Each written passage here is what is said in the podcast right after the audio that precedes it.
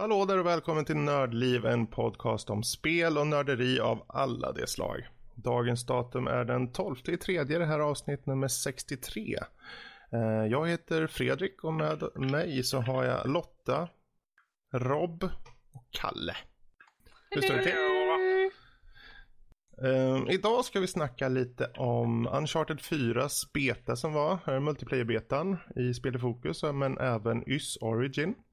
Uh, Rob kommer utmana någon stackare på spelet underbart upplyftande spel. Uh, och mm. sedan kommer Kalle följa upp på Chrono Trigger. Uh, spelnyheterna kommer bland annat ta upp angående Lionheads nedläggning, uh, multiplayer trailern som kom för Doom bland annat kommer vi snacka om.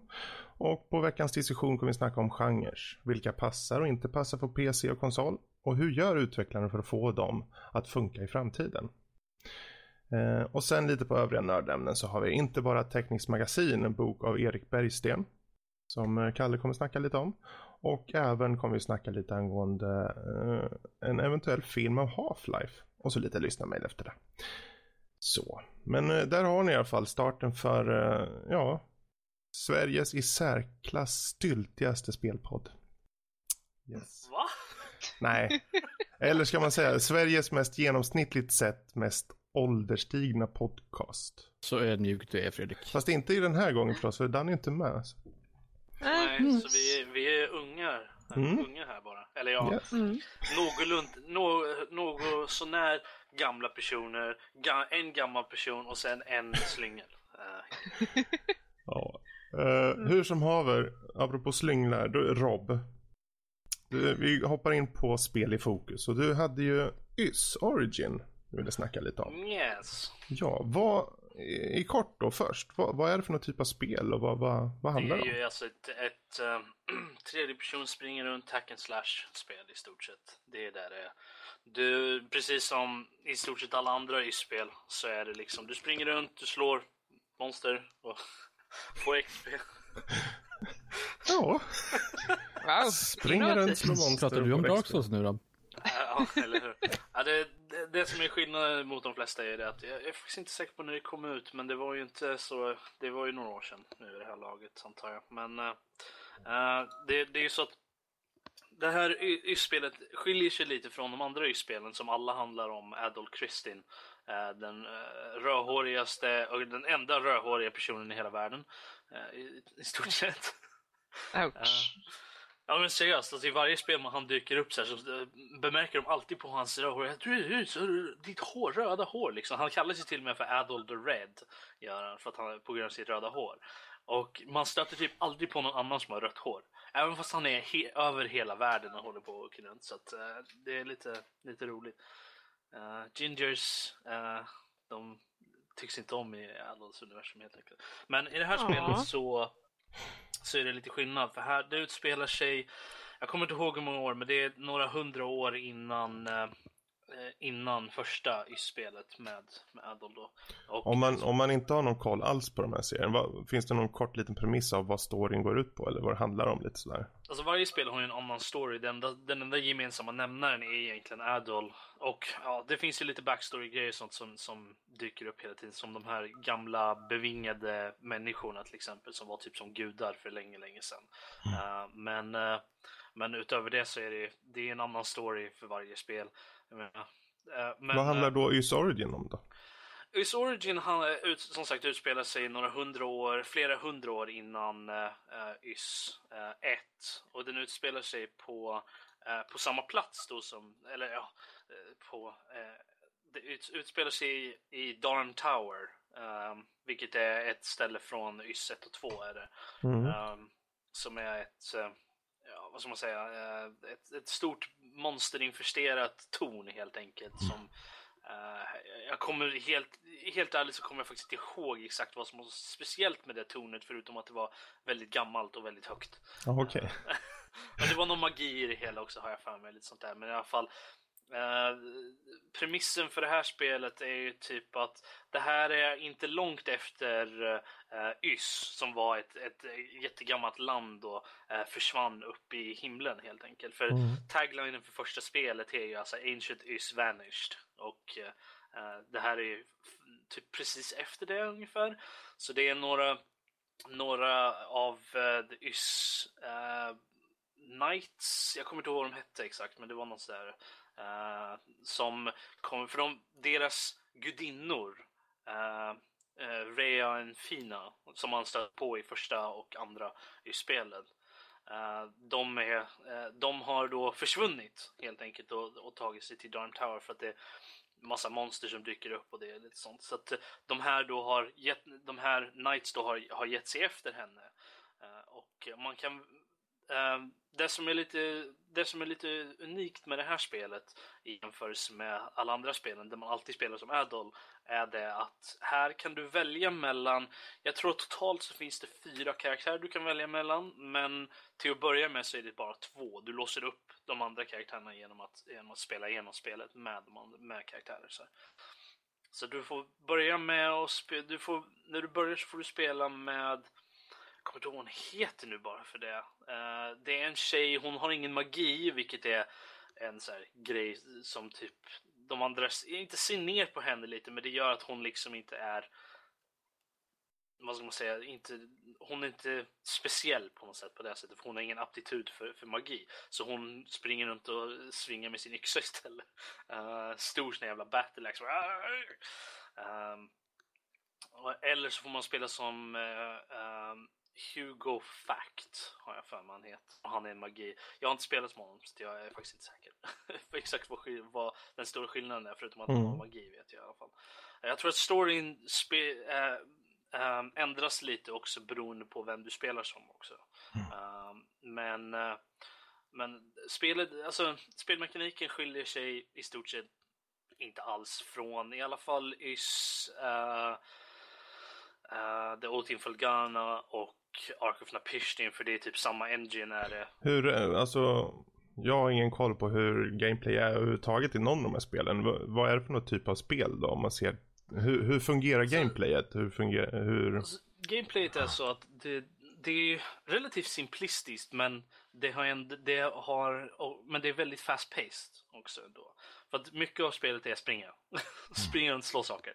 Um, och, eh, Styr man med musen vart man ska gå och så? Nu, eller jag körde med piltangenter? Eller? Ja, till okay. det här. Men du kan köra med mus, med, eh, jag tror mus tangentbord eller bara tangentbord kan du göra. Mm.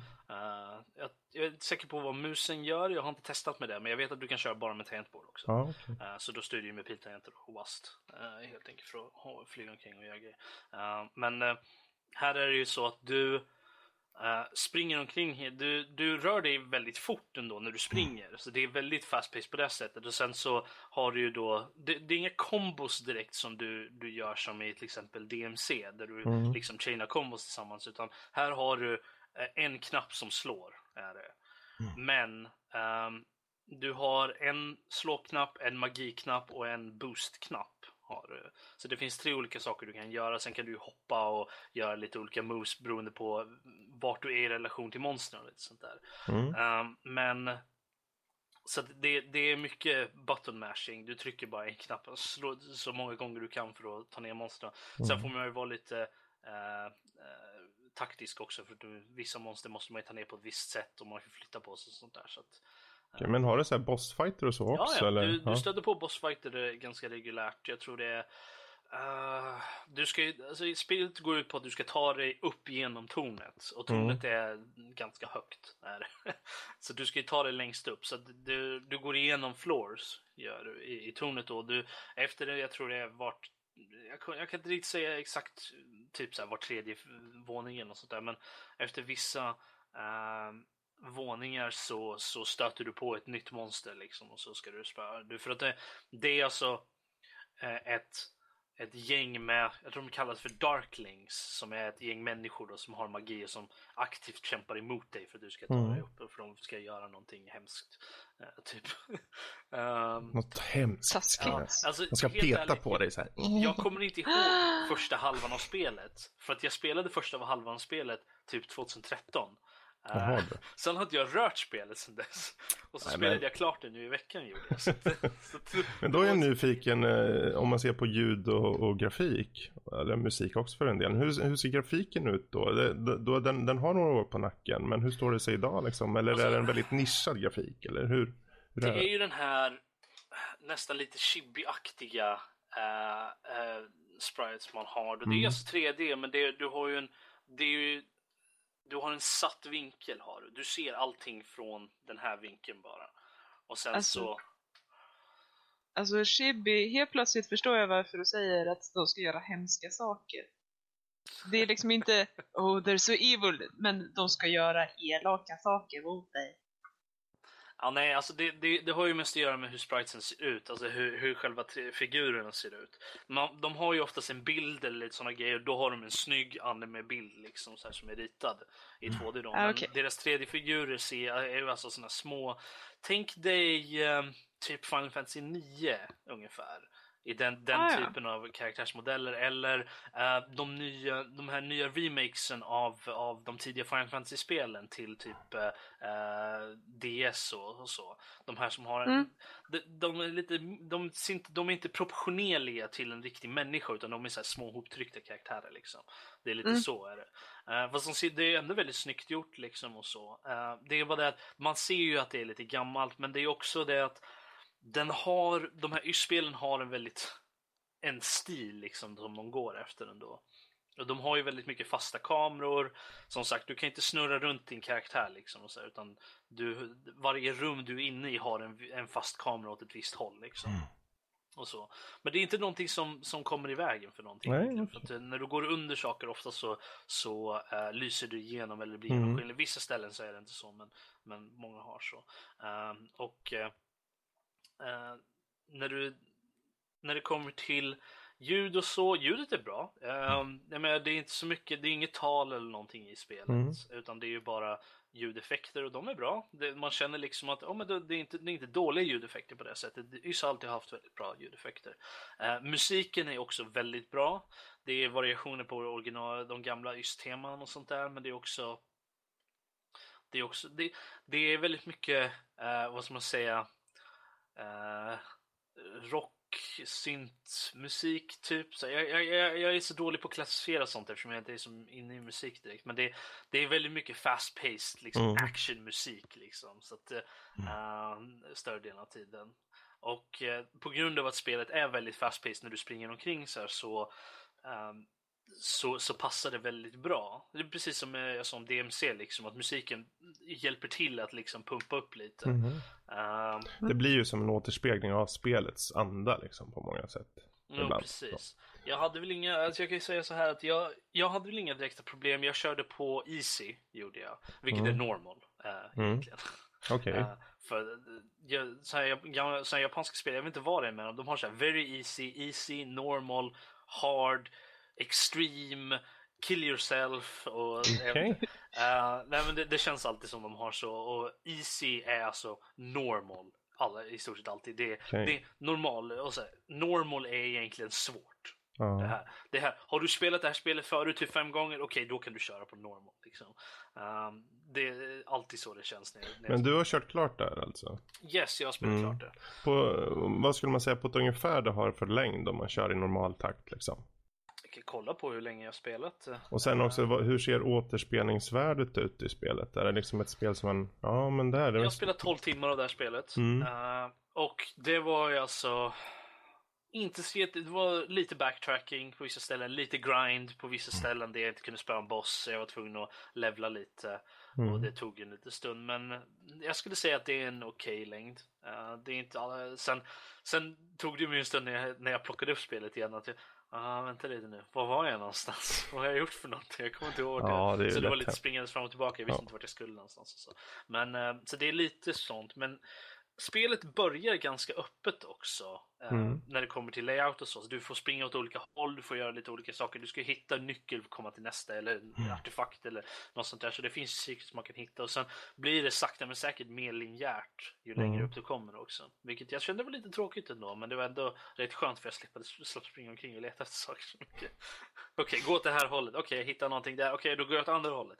Um, Men Ja. Men uh, det här, finns det bara på Steam eller finns det um, på massor med olika plattformar? Inte. Jag tror att det finns till, du vet vad, jag här. Uh, vi kan ta och kolla upp det på uh, Wikipedia. Jag, vi är så professionella här. Vi,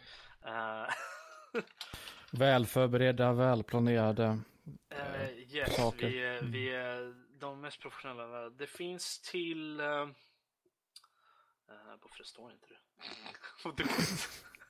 ja, det ser ut bara att finnas via Steam. Eh, i ja. stort sett. Det, det, är bara till Windows. Är det. Okay. Uh, eh, så att, um, så det, uh, till skillnad från de andra spelen som finns mm. oftast på. Jag måste säga att uh, när det kommer till replay återspelningsvärde så, så tror jag att det finns en hel del i det här spelet på mm. grund av att du kan spela igenom det som flera olika karaktärer. Uh, så finns det återspelningsvärde på det sättet. Uh, det är en skillnad då från de andra YS-spelen som egentligen inte har så mycket återspelningsvärde på grund av att du har redan kört igenom storyn. Det är ju bara mm. om du mm. vill hitta alla hidden grejer liksom och sånt. Ja. Um, så att, um, men uh, allt som allt så tyckte jag faktiskt att det, det är ett bra spel. Uh, mm. Det har ju den här, vad som är quintessential YS-känslan ändå, mm. även om man inte spelar som Adol. Så, så kändes det ändå som ett solitt YS-spel då. Men jag kände nog ändå att uh, jag vet inte om jag kommer spela om det igen för att jag, jag tyckte inte att storyn var sådär jätte, jätte intressant för att det mm. kändes väldigt mycket som en rehash av YS 1 egentligen. Ah, okej. Okay. För att uh, i YS 1 så, jag, tror, jag kommer inte ihåg om det är YS 1 eller 2 så går man alltså upp just i Darm Tower och kör igenom hela så att det, ett, uh, det kändes som en, en förlängd version av det med andra mm. karaktärer bara. Så att uh, det var, det var inte sådär jätteintressant. Men det, har man spelat, eh, tycker man om YS-spelen så är det väl värt att spela. Har man inte kört något av YS-spelen men gillar sådana här button mashes, springer runt och slår saker mm. så är det också värt att, att, plocka upp tycker jag. För att det, det, är, det är ganska solidt på egen hand på det sättet. Gameplay kör bra, jag stöter inte på några buggar eller någonting direkt. Uh, det, det springer rätt igenom. Lite grind här och där men inte allt för mycket egentligen. Ja men vad bra. Eh, jag rekommenderar att spela dem om, om det låter intressant. Precis. Ja men jättebra. Då har vi lite mer koll på YS Origin. Uh, finns på Steam helt enkelt. Uh, bra, men då tänkte jag ta över ordet lite grann här. För jag tänkte egentligen bara snacka lite kort. Uh, lite första intryck som jag fick av Uncharted 4s uh, multiplayer-beta. Som jag tog med an här i veckan. jag vet inte hur många har kört Uncharted. Jag har. Jag har. Mm. Det är, de flesta har ju kört Uncharted. Eh, och eh, har kanske förmodligen en bra bild av vad det är för någon typ av spel. Liksom. En tredjepersons action-äventyr kan man väl säga. Men här är det ju enbart multiplayer jag har tagit mig an och då har jag nästan gått in det som att, gått in i det med liksom tanken jag vill känna på hur det, hur det känns, hur, hur animationerna och så. Ja. Har du spelat multiplayer i något av de andra eh, Uncharted-spelen? Nej, nej, nej, nej. nej. Okej, okay. det, det, det, tänkte jag ta upp också, men uh, kör hårt mm. så kommer jag säkert på något bra. Absolut. Um, först tänkte jag, jag tänkte på det ytliga först, liksom. hur, hur står det emot? För jag har ju kört, jag har kört en bit in, jag har kört klart ettan och jag har kört en bit in på tvåan och, uh, och så. Uh, för jag köpte ju den här Nathan Drake Collection uh, på alla tre spel. Och jag håller på att och, och, och ta mig igenom dem då. Och det vara kul för mig att bara se, ja men jag har de här uh, uppiffade versionerna. Hur, står det sen, hur, ser det ut när de faktiskt har enbart haft PS4 och utgått ifrån? Och det är ju väldigt fina animationer på det och, och betydligt mer um, lätthanterligt på något sätt. Liksom just styrningen av uh, din karaktär var ju väldigt direkt kände jag. Mm. Uh, och det var ju ett plus. Uh, de kanske nu, tonat ner klumpigheten om man säger så. Ja, alltså, jag menar de har ju lärt sig med tiden. Kanske inte riktigt är samma tyngd i karaktärerna. Alltså, det är mer att du, det kanske inte är någon fördröjning eller vad man ska säga. Nej, typ precis. De är ju väldigt lätt styrda och det är ju väldigt förenklat på många sätt. Liksom, så att du, liksom, du behöver inte liksom, ha 40 kombinationer av knappar som du ska trycka för att få olika grejer. Så, liksom, du kan göra allting liksom, bara på ett klick känns det, känns det som. Och har de fått den känslan att infinna sig så har de ju vunnit mycket bara där. Eh, utan att det ska kännas superförenklat för den delen. Så att folk, ja men vad har de gjort? Vad har de gjort? Mainstreama ner det liksom. Nej, det funkar bra. Um, ja, vad kan man säga? Ljud och grafik ser ju väldigt optimerat ut för PS4 måste jag säga. Det såg väldigt fint ut. Uh, det finns en, det kommer finnas en, um, om det inte redan gör det, en uh, ren gameplay på vår YouTube-kanal där vi visar upp lite hur det ser ut.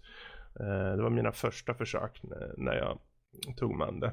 Men så man får se lite. Naughty Dog har ju alltid varit väldigt bra på att pusha liksom rent grafiskt sett det snyggaste de kan få. Men om man tittar mm. på, på de, de gamla uh, Uncharted-spelen så pushade de ju PS3 till max. Mm. Uh, jag menar, mot i, i sista spelet i trean så var det ju väldigt, väldigt snyggt även ja. fast det var på PS3. Så att, ja, eh, fördelen de har är ju att de, de arbetar ju med en enda konsol och kan optimera sitt spel exakt utifrån det. Så det är klart att de kan verkligen utnyttja det till fullo och det är jättekul faktiskt. Jo, precis. Mm. Um, vet du några siffror på hur det rullar? Alltså har, pratar vi i 10 till P60 eller? Ja, det är det? Mm. Ja. jättebra. Uh, det uh, såg så ut. Sen om de ändrar på det här framledes. Jag, det, jag, vet, jag har inte hört något om att de hade något problem med uh, servrar och liknande när jag körde. Mm. Uh, nu var det ju bara egentligen typ deathmatch, team deathmatch liksom. Det var det enda som fanns. Um, och ja, det har man ju sett förut. Det, det, finns inte så mycket att säga om själva multiplayern. Jag tycker Uncharted och multiplayer, det, är totalt onödigt. Men för de som är ute efter det så, så kan jag se att det finns mycket potential i alla fall. För uh, de gör ju inte något halvdant kän känns det som i alla fall. Uh, och det är ju en fråga om smak snarare än att, uh, att det är liksom något som, som man inte ska ta sig an. Utan har du smart för just multiplayer och i Uncharted-världen så är det definitivt någonting man bör testa på tror jag. Men de hade väl lagt... Ja, nu kör Lotta. Lotta? Eh, på tal om eh, servrar, eh, mm. hur funkar det med, att, med kommunikationen och hastigheten och, och, att faktiskt köra mot andra spelare? Mm. Jag upplevde inga problem alls. Um, just det här med som att det skulle vara någon lagg eller att det skulle vara något problem med att man skulle, uh, om man skulle skjuta folk och så helt enkelt. Utan uh, allting var väldigt smärtfritt och, och bra på, på den här betan som jag körde. Uh, och det kan man säga, jag körde också Hitman-betan, det kommer jag inte gå in på idag. Men man märker stora skillnader ändå på beta till beta och här var det liksom, det var inga glitches som jag märkte av i alla fall. Det kanske andra. Hur lång tid är det till släpp? Ja, vad är det? Är det maj någon gång? Okej, okay, men det är ändå en bit kvar så då kanske de har lite att jobba på. Mm. Men det är ändå gott tecken att det är välpolerat redan nu då. Absolut. Mm -hmm. um, Nej, jag, jag, jag, tog det lite som en tech-demo. Jag ville känna på lite hur det var, mm. Eh, hur det kändes att styra. Um, jag blev väl inte något frälst kanske på multiplayer, men de kanske har några andra spellägen som, som, som märker ut sig extra sen när det väl kommer. Kan jag tänka mig kanske då. Um, det blir lite så här mysko när man ser flera Nathan Drake springa runt. Man tänker okej, okay, ja, oh well, så kan det vara. Men... Um, Eller vet han om sina egon. Ja, absolut. Det skulle vara en karta med bara honom överallt. Jag kan, ju, jag kan ju meddela att um, den 10 maj släpps uh, Uncharted 4 Thieves mm. End till PS4 och det är worldwide release. Här idag. Kul. Ja, det ska bli kul att följa upp på det. Jag hoppas ju då ha hunnit kört klart samtliga tre eh, tidigare spel. Eh, och sen kunna ta, ta med an fyran då. Så får vi se de är vad... inte speciellt massiva spel på det sättet. De tar ju uh, en stund att ta sig igenom men de är inte ja. så jättelånga på det sättet. Nej, men jag har inte så många timmar om dagen om vi säger så. så det är väl mest där som det hänger för min del. Um, men ja, det, där har vi i alla fall, det får räcka angående Uncharted 4s eh, beta. Um, det var lite första intryck bara. Uh, och så gör vi som så att vi avslutar spel i fokus och går vidare till utmaningen. Och uh, ja, i utmaningen så utmanar vi varandra på spel. Uh, ja, det kan vara för att skapa lite underhållning för ja, er som lyssnar, men främst egentligen för att vi ska kunna kanske hitta någonting nytt, bredda oss lite och få lite roliga samtalsämnen och framförallt se när Robba crunchar och mår dåligt av att behöva köra någon eh, dåligt gammalt FPS kanske, jag vet inte. Sam? Gammalt vet jag inte, dåligt Nej. är ju en annan sak, det är en smaksak. Ja, det visar sig. Men, apropå Rob, du ska ju utmana någon den här veckan. Yes. Yes, men vem ska du utmana? Jag hade ju tänkt utmana gamle morbror norsken. Men mm. eftersom han inte är här så känner jag att jag inte vill inte göra det för jag vill ha hans reaction direkt. Okej. Okay. Liksom, Får Så att- spara på den Ja, karamellen. jag sparar på den och tar och utmanar Mm. Lotta istället. Som, Ah. För att hon utmanade mig för typ tre veckor, fyra veckor sedan eller något där. Tre, tre veckor sedan. Det här laget. Ja, just det. Ja. You bastard. Då är ju frågan, okej det är Lotta som ska ta sig an något spel här framledes, men frågan är vad för spel? Får jag en trumvirvel? Nej. Vill du ha det? Ja, jag vill ha en trumvirvel. Du måste ju vänta på att då. hårddisken går igång först bara, så... eh, Nu blir jag nervös. Okej. Lotta ska få spela.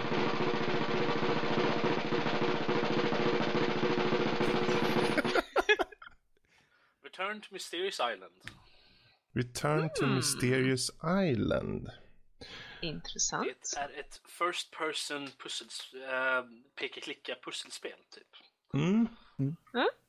Okej, Jag har då pratat har om vi det podcasten jag. Så. Ehm, Då har vi ett spel som kommer följa upp på ungefär om fem veckor cirka. Ehm, och eh, Lotta kommer då få eh, det roliga nöjet att prata om det. Ehm, och det betyder att nästa gång vi kommer eh, utmana någon på ett spel så kommer det vara Lotta som gör utmaningen. Jag säger någon gång för att Nämligen är det så här, nästa vecka så kommer vi få en gäst och då tänkte jag göra som så att vi hoppar lite på utmaningen den veckan. Så att vi följer upp på utmaningen veckan därpå istället då. Så vi får lite mer utrymme för vår gäst som eh, i det här fallet är eh, Fighton. Som eh, många kanske känner till eh, har en streamingkanal på Twitch. Streamingkanal, vad skulle han annars ha? Han har en morgonshow kan man säga där som han snackar Mm. om spel och massor med annat smått och gott. Eh, Så därför kommer vi eh, nästa vecka inte ha någon utmaningsuppföljning eller för den delen utmaning. Utan det blir veckan därpå. Så, och apropå utmaningsuppföljning. Yes. Rob, sluta smaska nu. Vi behöver Då kommer vi här. I och, med att, eh, nors ja, men I och med att norsken inte är här så får du göra stand-in och du, du är den enda som har spelat det förutom jag. Men eh, Chrono Trigger i alla fall. Mm. Och vi kan ju börja med vad Chrono Trigger är. Det är faktiskt ett eh, klassiskt, ja, klassiskt i definitionen av klassiskt JRPG från 1995. Till och med att det är äldre än vad jag är. För mig att det var på, på, på våren där, eller något sånt där, 1995. Ja, alltså, Gods, Karl, snälla, snälla prata inte om hur gammal du är. Jag försöker liksom förtränga att du är liksom vår lilla Ja, blöjgosse. det- min, min tur kommer också, snart kommer jag sitta där och vara gammal också. Vi ska alla den här dig varandra. inte. Tio år om den här podcasten fortfarande. När vi, när vi håller på med det här om tio år någonting så kan vi dra in en ytterligare en person som är typ sex år yngre än dig eller någonting Karl. För Mhm. det borde ju vara runt i den åldern då. Precis.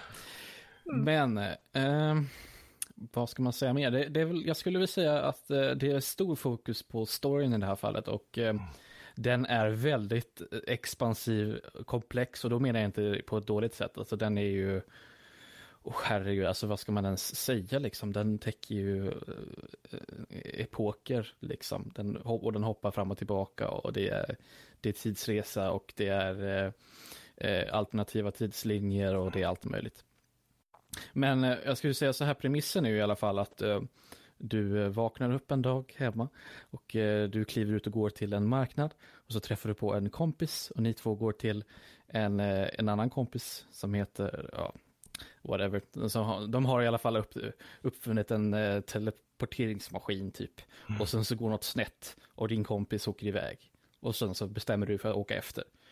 Och där har vi egentligen premissen. Och sen så efter det så, alltså det är bara, ja, alltså du, man kan inte ens förutspå, det går inte ens att f- liksom föreställa sig vad storyn tar vägen där efteråt. Men jag ska säga det att, jag kan säga det redan nu, att det är väl storyn som är spelets starka sida. Egentligen. Eh, Rob, har du något att tillägga? Eller något jag missat sådär? På, på just, eh, Alltså, en av spelens, det, det som är den starkaste grejen i spelet är ju storyn men också själva tidsreseaspekten och aspekten, inte aspekten. Ehm, där ehm, när du går tillbaka bakåt i tiden så kan du ju göra, utföra vissa handlingar och de har ju då repercussions i de andra tidsåldrarna genom att gå framåt. Så att eh, eh, jag menar, ett exempel är det att i jag kommer inte ihåg vad, vad staden längst ner på den södra kontinenten heter, men den heter typ jag vet vad du menar i alla fall. Ja, i alla fall. Det, det, I det stället så är äh, eh, borgmästaren där. Om man går in till honom eller något där, så är han, han är en rik, snål snubbe. Om man, om man leker, äh, om man är villig och äh, leka höna framför honom så ger han, honom, ger han en pengar.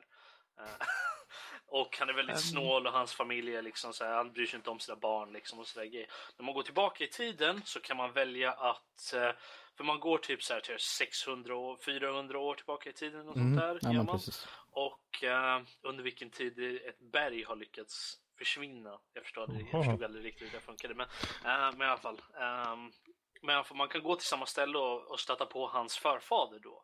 Och där så kan man då genom ett litet sidequest grej så kan man så kan man fixa och ge dem någon sån här jerky tror jag det heter tror jag det var. Och gör man det och visar att det, man tar inte betalt för det utan man ger den bara till dem av ren liksom um, Givmildhet? Ja, givmildhet. Ja, eh, jag tänkte altruism tänkte jag mer men uh, borde jag leta efter. Uh, avancerad ord.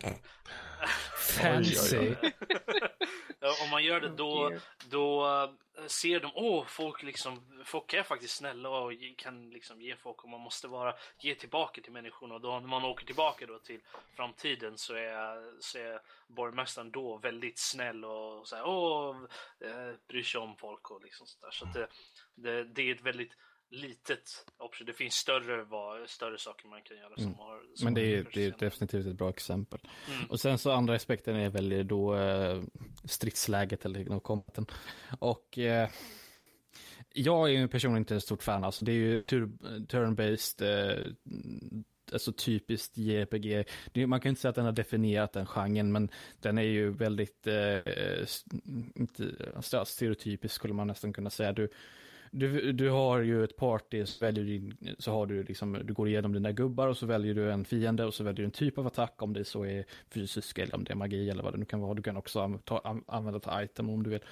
Och sen så slåss ni liksom på det sättet och så går det fram och tillbaka hela tiden. Och eh, personligen så, det var inte något som lockade mig sådär men eh, ja, eh, jag, jag kan gissa, alltså jag kan inte ge spelet minuspeng för det ändå för att jag känner inte att eh, den Alltså det, det jag uppskattade mest med, med Chrono Trigger var ändå story liksom. Alltså det, det, den var, den är ju så extremt expansiv så att det, det finns alltid nya grejer. Det är alltid liksom... jag, måste, jag måste fråga dig Karl, hur långt in i spelet har du kommit?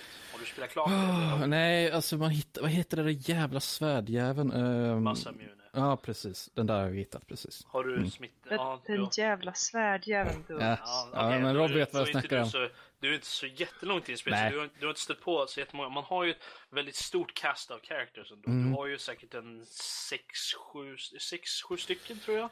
Karaktärer man kan, man kan ha på. Ha. Jag, jag valde också att, uh, att nu inför avsnittet så gick jag och kollade på en video som gick igenom hela storyn då för att jag kommer, jag ska vara ärlig med mig själv och jag kommer nog inte spela färdigt det. Så jag har ju en tum om vad som händer sen. Jag kan, jag kan säga så här att när det kommer just till combat-systemet i alla fall, så mm. är ändå Chrono Triggers combat-system lite unikt när det kommer till de här typen av uh, eh, ATB-systemen då. För att um, när själva ATB-aspekten är ju, ja den är ju väldigt same same som i typ Final Fantasy de där ändå. Uh, men Uh, skillnaden kommer i hur man utövar combat-systemet här. Du står inte bara på en sida av skärmen som i Final Fantasy liksom och sen slår, slåss mot fienden på andra sidan skärmen. Utan här så spelar du ju alltså på kartan så att säga. På, I den miljö där du blir attackerad i stort sett. Uh, så du, det blir ingen sån här swirl liksom in utan, du, utan ja, dina karaktärer det... springer bara ut och liksom ställer sig på olika ställen på kartan. Liksom, ja, det... Och det inbjuder lite taktiskt spelande också gör det. För vissa karaktärer kan göra komboattacker med varandra. Och eh, jag tror att det är Frog och Chrono kan göra en attack som heter X-Strike. Vilket gör att de kan, står de på ett visst eh, ställe mot varandra så kan de göra ett, ett kors där de slår mot en fiende liksom. Det finns också vissa andra attacker som kan attackera eh, fiender på en rad. Så att är fienden upplinade, för de rör ju lite på sig oftast. Eh, är de lined upp så kan, eh, jag tror det är, eh, vad heter hon, Luca. Hon har en sån där flamethrower-attack typ som gör att hon kan eh, skjuta ut en attack som, som kan attackera flera fiender på en rad. Och sen finns det ju area of effect-attacker också, så är Mm. fienderna väldigt bunched together så kan du göra en area of effect runt dem också. Så att på det sättet så, så inbjuder det lite taktiskt tänkande Mm, också. ja, det är bra att du nämner det för att jag, Ja. jag, spelar, jag har inte spelat så många sådana här. så Det, det var inte någonting jag tänkte på men det, Men då, jag är nyfiken på, för det är ju ändå en fråga om ditt perspektiv här. Ja, Hur känner absolut. du liksom för spelet? Nej, alltså jag... Det är så oerhört. Jag känner att man blir inte involverad på något sätt. Och ni, det, man kan ju, alltså om man tittar på vad jag har pratat om tidigare för spel, och det är ju huvudsakligen eh, första persons skjut, alltså skjutare av olika slag och sånt där. Och eh, ja, nej, jag, jag personligen gillar det inte, men sen som jag sa innan, jag kan inte ge spelet minuspoäng i sig för det. Men jag uppskattar inte combaten på något sätt egentligen.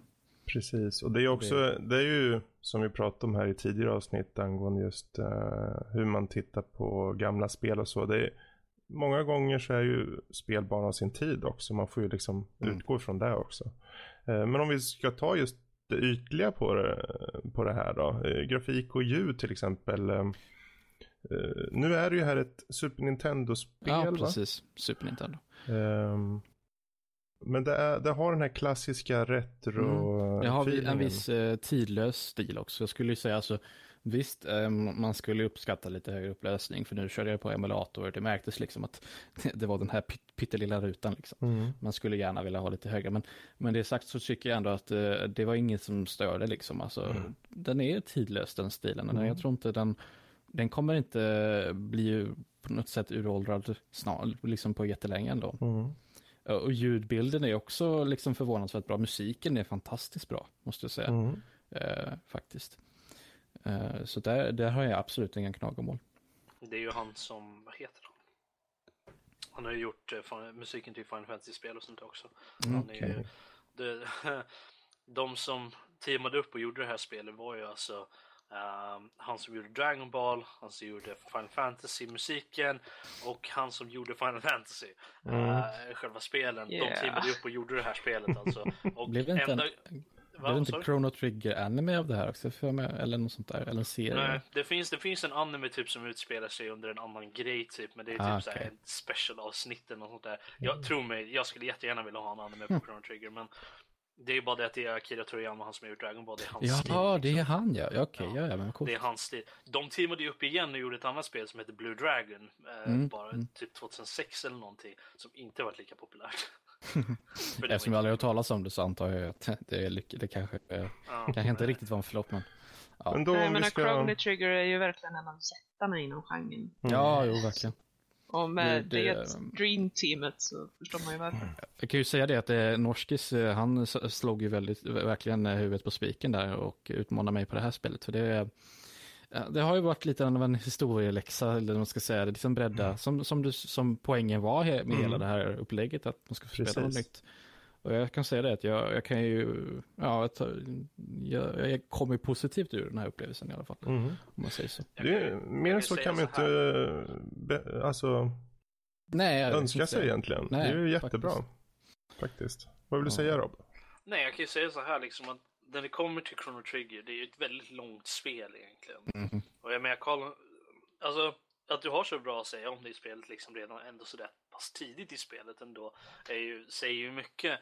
Men jag kan ju därför se det från som, som kanske tänk, kan tänka sig att ta an det här spelet då, så är det, det är väldigt långt. Eh, Mhm. Det är ju upp mot en säkert en, vill du göra alla sidequests och sånt där så är det ju upp mot säkert en 40-50 timmar att sitta och spela och då är det ju massa grinding också involverat. Och main quest kanske runt 20 då eller? Ja, jag vet inte. Jag är faktiskt inte säker. Men eh, för att main questet har jag faktiskt aldrig klarat av helt. Och jag har aldrig, tagit, Mm. jag har aldrig spöat sista bossen bara, men jag har tagit mig dit. Har jag gjort. Okej. Eh, men det, det, sen finns det ju olika slut beroende på vart du spör bossen. Så där det, det är sånt som förklarar sig när man spelar. Du men, som har kört så långt då vill jag bara ändå fråga, för nu har han kört en bit in och så.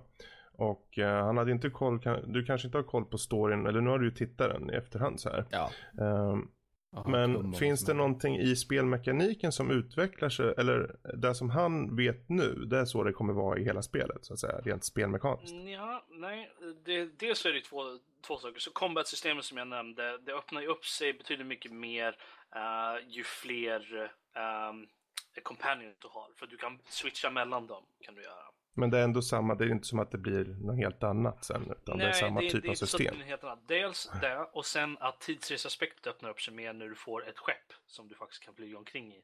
Mm. Och åka tillbaka i tiden när som helst. Vilket innebär också att du kan besöka de andra kontinenterna och andra ställen som, som du inte kan göra annars. Och det öppnar upp till andra sidequests och sådana grejer. Så att Mm. det är mer av spelet. Så du känner... Det är mer det är- tillgängligt då.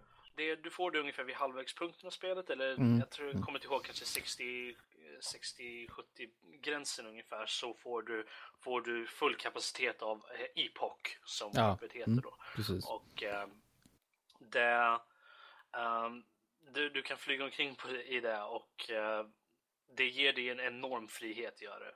Mm. eh, Ja i men det kanske, det blir det kanske som när jag pratade om med Dark Souls, att det öppnar upp sig mycket mer liksom. Och då kanske krävs det en viss eh, tids, eh, en viss tid att ta sig till den punkten liksom innan det verkligen breddar sig. Men, Spelet. eh, ja, Jag, jag kan ju säga så här nu, en liten spoiler. Om man Mm. säger så här. eh, när det ett kommer 20 till år gammalt spel. Ja, eller hur. Ehm, det fin- vid en tidpunkt så eh, kan Chrono, huvudpersonen, han kan dö. Kan han. Mhm. Och man kan klara av spelet utan honom, men man kan också få tillbaka honom. Men bara om man gör en specifik, en viss sak uh, väldigt tidigt i spelet egentligen. Så att uh, man måste ha lite koll på det redan innan. Och, men det, en, en intressant bit av spelmekaniken är det att um, om han uh, inte dör, eller om man inte dör, på något sätt får honom att dö eller något sånt där, så kan man aldrig byta ut Crony i sitt party. Man har alla, han är alltid med. Men efter han dör och man får tillbaka honom så kan man byta ut honom. Så att då kan man, då öppnas partyt upp eh, helt och hållet så att ni, man kan vara vilka som helst. Vilket är lite intressant när det kommer till Okej, intressant liten tidbit där. Bra. Eh, men eh, där har vi i alla fall en, um, ett spel som må hända kanske inte är just den typen av spel som du lirar, men du har ändå fått en positiv eh, upplevelse så att säga. Mm, jag tror ändå att det är värt att ta upp också just för att det är så pass gammalt att Mm. det finns folk som jag som aldrig var liksom gamla nog att spela när det väl släpptes. Precis. Och det, det har ju definitivt en viss, eh, det, det har ju det har ju levt vidare om man säger så. Mm. Det, det är värt att spela fortfarande. Helt enkelt. Och Helt klart. det finns, det finns också bra emulatorer både för PC och för Android. Jättebra. absolut. Bra tillägg där. Eh, på tal om Superbra. liten skärm. Mm. Varför inte köra på telefonen? Och sen är det ju faktiskt så att Chrono Trigger finns ju även alltså i ny-releases så att säga.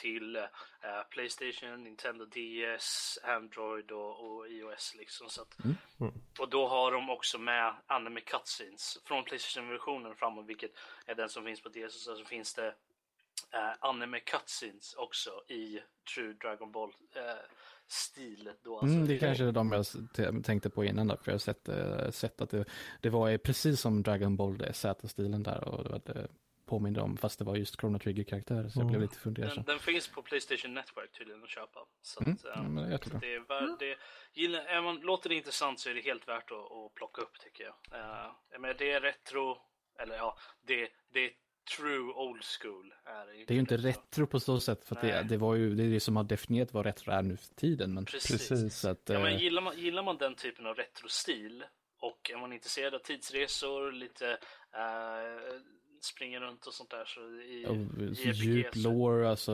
ja, jag kollade ju, alltså det finns, det, det, jag kollade ju på som sagt en video som gick igenom hela tidslinjen och han spenderar ju typ mer än en fem, tio minuter på att förklara vad som händer innan spelet börjar liksom. Mm. Så, så att det finns ju mycket att, Bra. att ta reda på.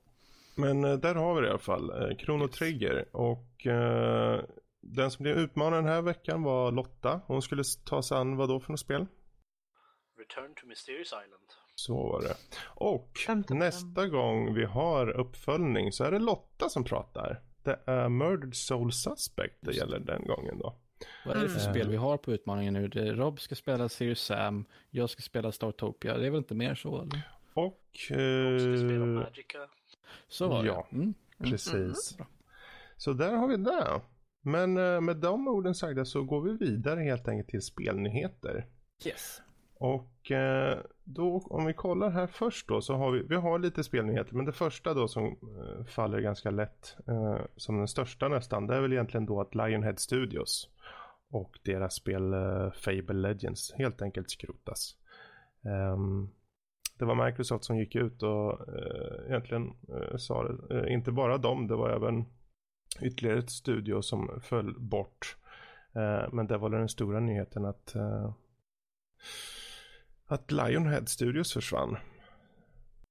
Och, Jag tyckte ehm, det var lite så här, för jag läste typ att de hade inte, inte ens Lionhead, liksom de, de som jobbar där, hade Mm. vetat om det förrän typ dagen innan eller Ja. tidigare samma dag till och med. Något sånt där, innan de gjorde den här utannonseringen och det tyckte jag var lite så här, okej. Ja, det känns inte riktigt okej. Nej. Ja, det, Ja.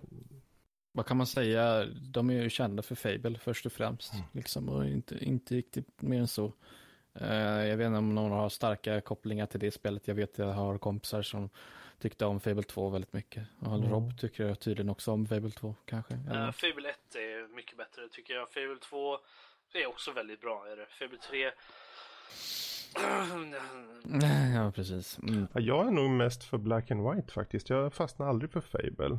Ehm, jag tyckte att det kändes... Ja, det var ju ingen RPG enligt min mening tyckte jag. På det sättet som jag då ville att RPG skulle vara. Man skulle egentligen köra om dem där faktiskt. Skulle jag. Mm. Ehm, Ja, Men det var ju det- Fable Anniversary nu som är lite Mm. uppdaterad grafikmässigt. Så Ja, precis. Det kanske är faktiskt värt att ta en titt på. Eh, ja, det är jättetråkigt. Jag menar, nu var det kanske var det fyra år sedan, sedan Peter Molyneux gick ifrån studion. Och han var ju egentligen han var ju den som drev studion framåt på många sätt. Visst, han var ju den här som överhypade spel som Det var mycket fan. snack och lite verkstad från honom om Mm. man säger så. Men en sak tycker jag i alla fall, det, det är just det här med när de har en person som, som är i ropet så mycket, som, som syns så mycket och även om man hypar upp så mycket så får det folk jävligt intresserade och det funkade med första Black and White så var det en jättestor hype och spelet var bra. Det var bara inte så bra som han hade sagt det skulle vara. Och så var det egentligen med alla spel som kom. Men de blev oftast väl mottagna och sålde ganska bra ändå. Så det är synd att studion läggs ner och det är ju den har ju ett arv. Det är ju gamla Bullfrog-studion som gjorde typ Syndicate och massa andra saker som, som den här studion är, består av. Så ja, det är jättetråkigt. Men så jag eh, kan ju säga så här, vilket jag sagt typ fem gånger hittills. Eh, är det att när det kommer till, till Lionhead så har de, de har inte varit på min radar sen Fable 3 i stort sett. För de hade ju det här, vad hette det? Det hette Fable, The Journey, Fable Heroes, Fable, Fable, The Journey, så var Ja. det. Det var ju så här rails-spel typ. Alltså, du, du sprang bara framåt eller något sådär. Och mm, det var ju så skitspel. Typ. Eh, så att jag har inte haft dem på min radar för att jag väntade på ehm, Jag väntar på Fable 4 helt enkelt. För jag ville ha det. Ehm, inte de här jävla sidespelen som inte verkade intressanta för fem öre. Och jag tror att det är lite det som har varit deras problem. Att de har försökt utveckla de här sido-minispelen vad man ska säga. Även jag menar Fable Legends och Fable Heroes eller vad det hette.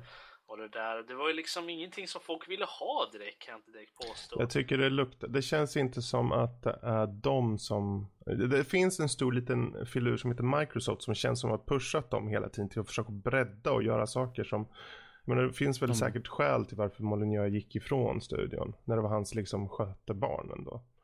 Så, de liksom Microsoft Mm. pushar åt dem att de ska skapa någonting som alla kan spela men ingen tycker om Mm. liksom ungefär.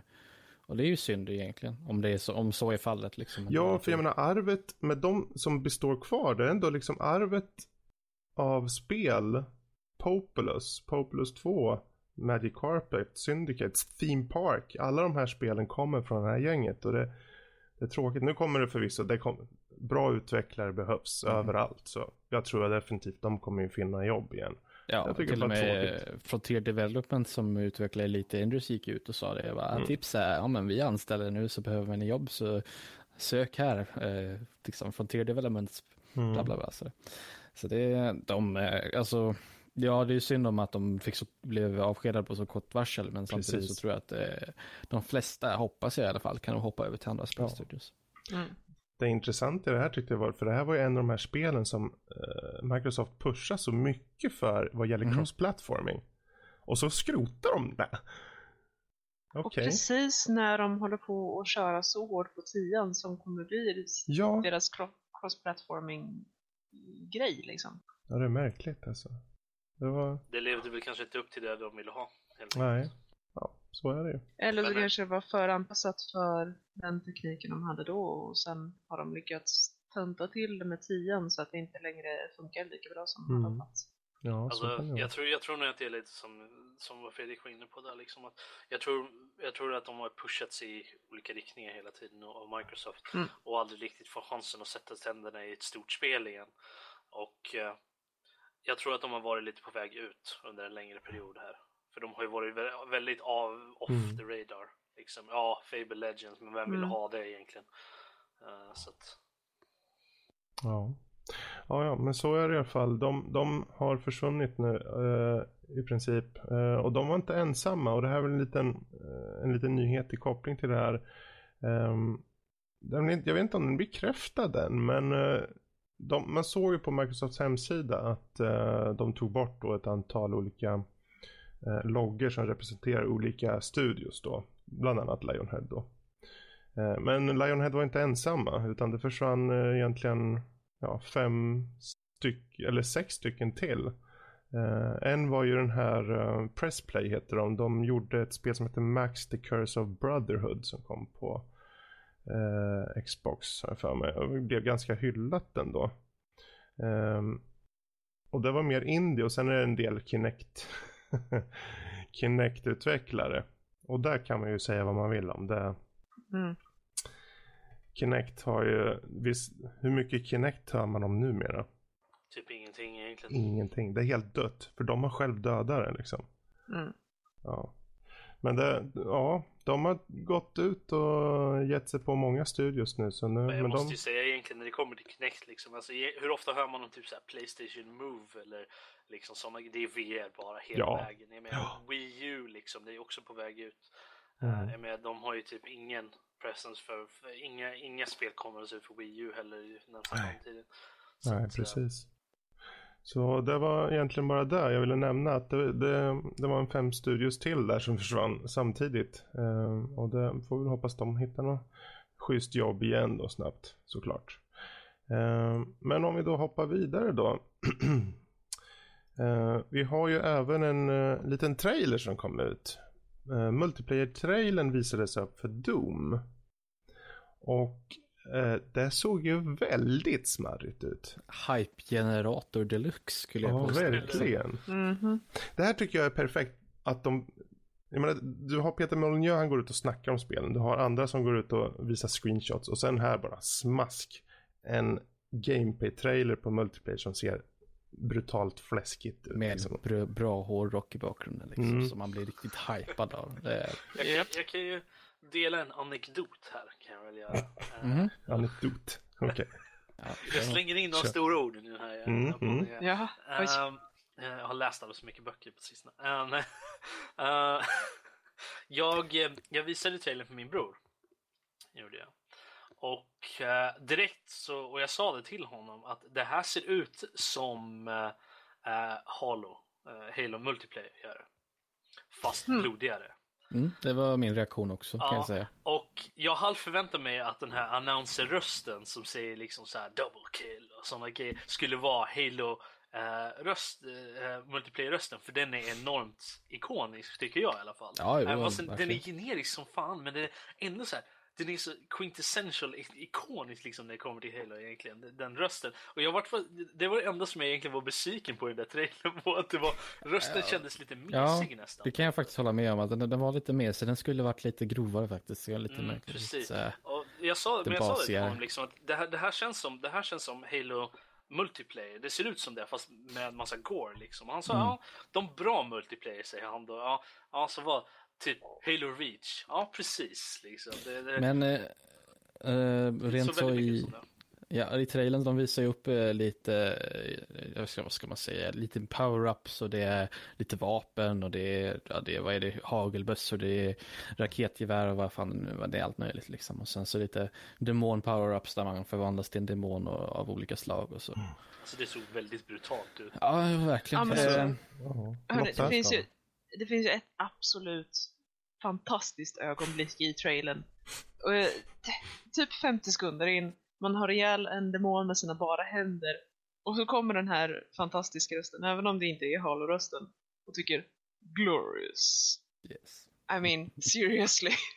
Vad mer kan man önska liksom? Story? Nej, vad fan. Jag menar det, det överallt. mer Och så hör vad man kan Lotta önska sig eftersom hon använder det ordet typ så här 50-11 gånger. Jag tycker det, det är kul att ni jämför med Halo därför det första jag tänkte på var bara Quake Arena på en gång. Det var snabbt. Kanske visar en viss eh, generationsklyfta här. Ja, Det- för Quake eh, 3 på en Mm. gång. De har den här snabbheten. Det kändes nästan Unreal Tournament i hastigheten så här. Och sen med en tweak på att du kunde liksom eh, ta den här power-up grejen och bli ett stort jävla monster. Det var en schysst twist. Ja, men det, det som man reagerar på om man vill likna det till Halo, det är väl mest designen på karaktärerna skulle jag vilja säga. Alltså de är, känns ganska Spartan-liknande sådär. De är speciellt för, de är så här färgglada och sådär som de har gjort den nu för tiden. Så. Men jag tror också att, jag tror också att eh, om Quake är ju din tids Fredrik, det, det, din och Danny, den generationens tid, multiplayer-spel om man säger så. Medans när det kommer till, jag vill inte sätta mig i samma generation som Karl, men i fall, men i, i, i den här grejen så gör jag det. Att när det kommer till våran, den lite yngre generationen då, 10 år, 10 plus eh, år yngre än vad, än vad du är Fredrik, så så tror jag att Halo är det för oss. Grund av att Halo multiplayern är väldigt eh, den är väldigt fast paced, väldigt springa omkring, hoppa, slå saker, skjuta saker liksom så, så det, jag tror att, Ja, jag tror absolut. att det är där man ser det. Alltså det, man, man ser ju kopplingen vart man, vad man själv har för några anknytningar till spel. Ja, så är det ju. Eh, det är inget konstigt. Ehm, Vidare, bara nämna en sista sak. Mm. Alltså, jag hoppas innerligen att det här kommer att bli bra, för då behöver jag inte köpa någon Xbox för att kunna köra Halo. Eh, Då kan jag bara hålla mig till det här istället. Men mm. jag vill ändå så här, höja liksom ett varningens finger, för det är ändå en trailer. Och den Mm, kanske inte mm. representerar slutgiltiga produkten helt och hållet. Jag hoppas att eh, de inte gör någon Wolfenstein och låser frameraten till 60 och sådär. Mm. Och jag hoppas att eh, man kan få ändra på FOVin, för att det de visar upp i i, eh, i trailern det var för låg, för min del i alla fall. Det är en ytterst personlig sak, men jag, anser, jag, jag tyckte att det var för låg. Eh, Mm. Så det är bara för det ska göra motsatsen. precis, eh, 65 FOV. Nej, men eh, det är någonting jag bara, jag bara innerligt hoppas att de löser detta så att Mm. inte de snubblar på mållinjen verkligen. Alltså, Det är ju ändå id. ja, Man tycker ju att om det är någon som de är ju så jävla tekniska med saker ja, precis. Om det är någon som ska lösa det tekniska så hoppas man ju att det Ja. är id. Så att jag, man, man får väl hoppas tillit, liksom Mm. lägga tillit på dem där. Jag, jag har varit jättepepp på den här. Det är Mm. nästan farligt pepp faktiskt. På det sättet ja, tänk om Ja, det alltså, inte är jag säger så det. bra. Jag vill ju backa tillbaka lite och säga att ja. Jo, vi får se vad som händer när det släpps. eh, Precis. skeptisk. Men jag, jag känner, okej, Skeptisk, jag, vill ha, jag vill ha ett spel som jag bara kan hoppa in och bara köra snabba matcher. Mm. Men det liksom. känns ju som att det kommer vara så här, men vill du, köra, vill du köra i fyra timmar eller vill du bara köra i tio minuter så, så Mm. är det okej liksom.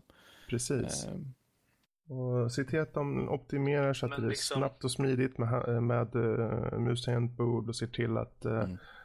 Att man kan ändra på saker och ting så som man vill ha det så kommer det bli Ja, det kan bli en contender till det bästa multiplayer-spelet faktiskt. Eh, Mm.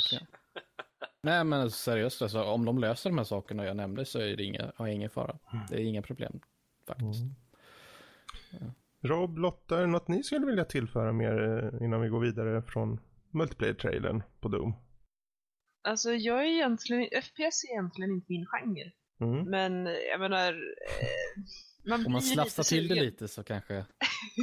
ja, Och precis. det blir glorious helt enkelt. Ja, precis. Ja, precis. Det kändes lite glorious. Om du får skjuta en demon med sin egen handkanon, vad funkar det då liksom? Ja, då, då känns det lite sådär, hmm, ja, mumsigt. Mm. Yes. Mumsigt säger Lotta om Yes. slafs i spel. Det är bra. Ja, men- Jag kan, eh, jag kan bara tillägga, eh, för att tydligen så är det den rollen jag antagit. Mm.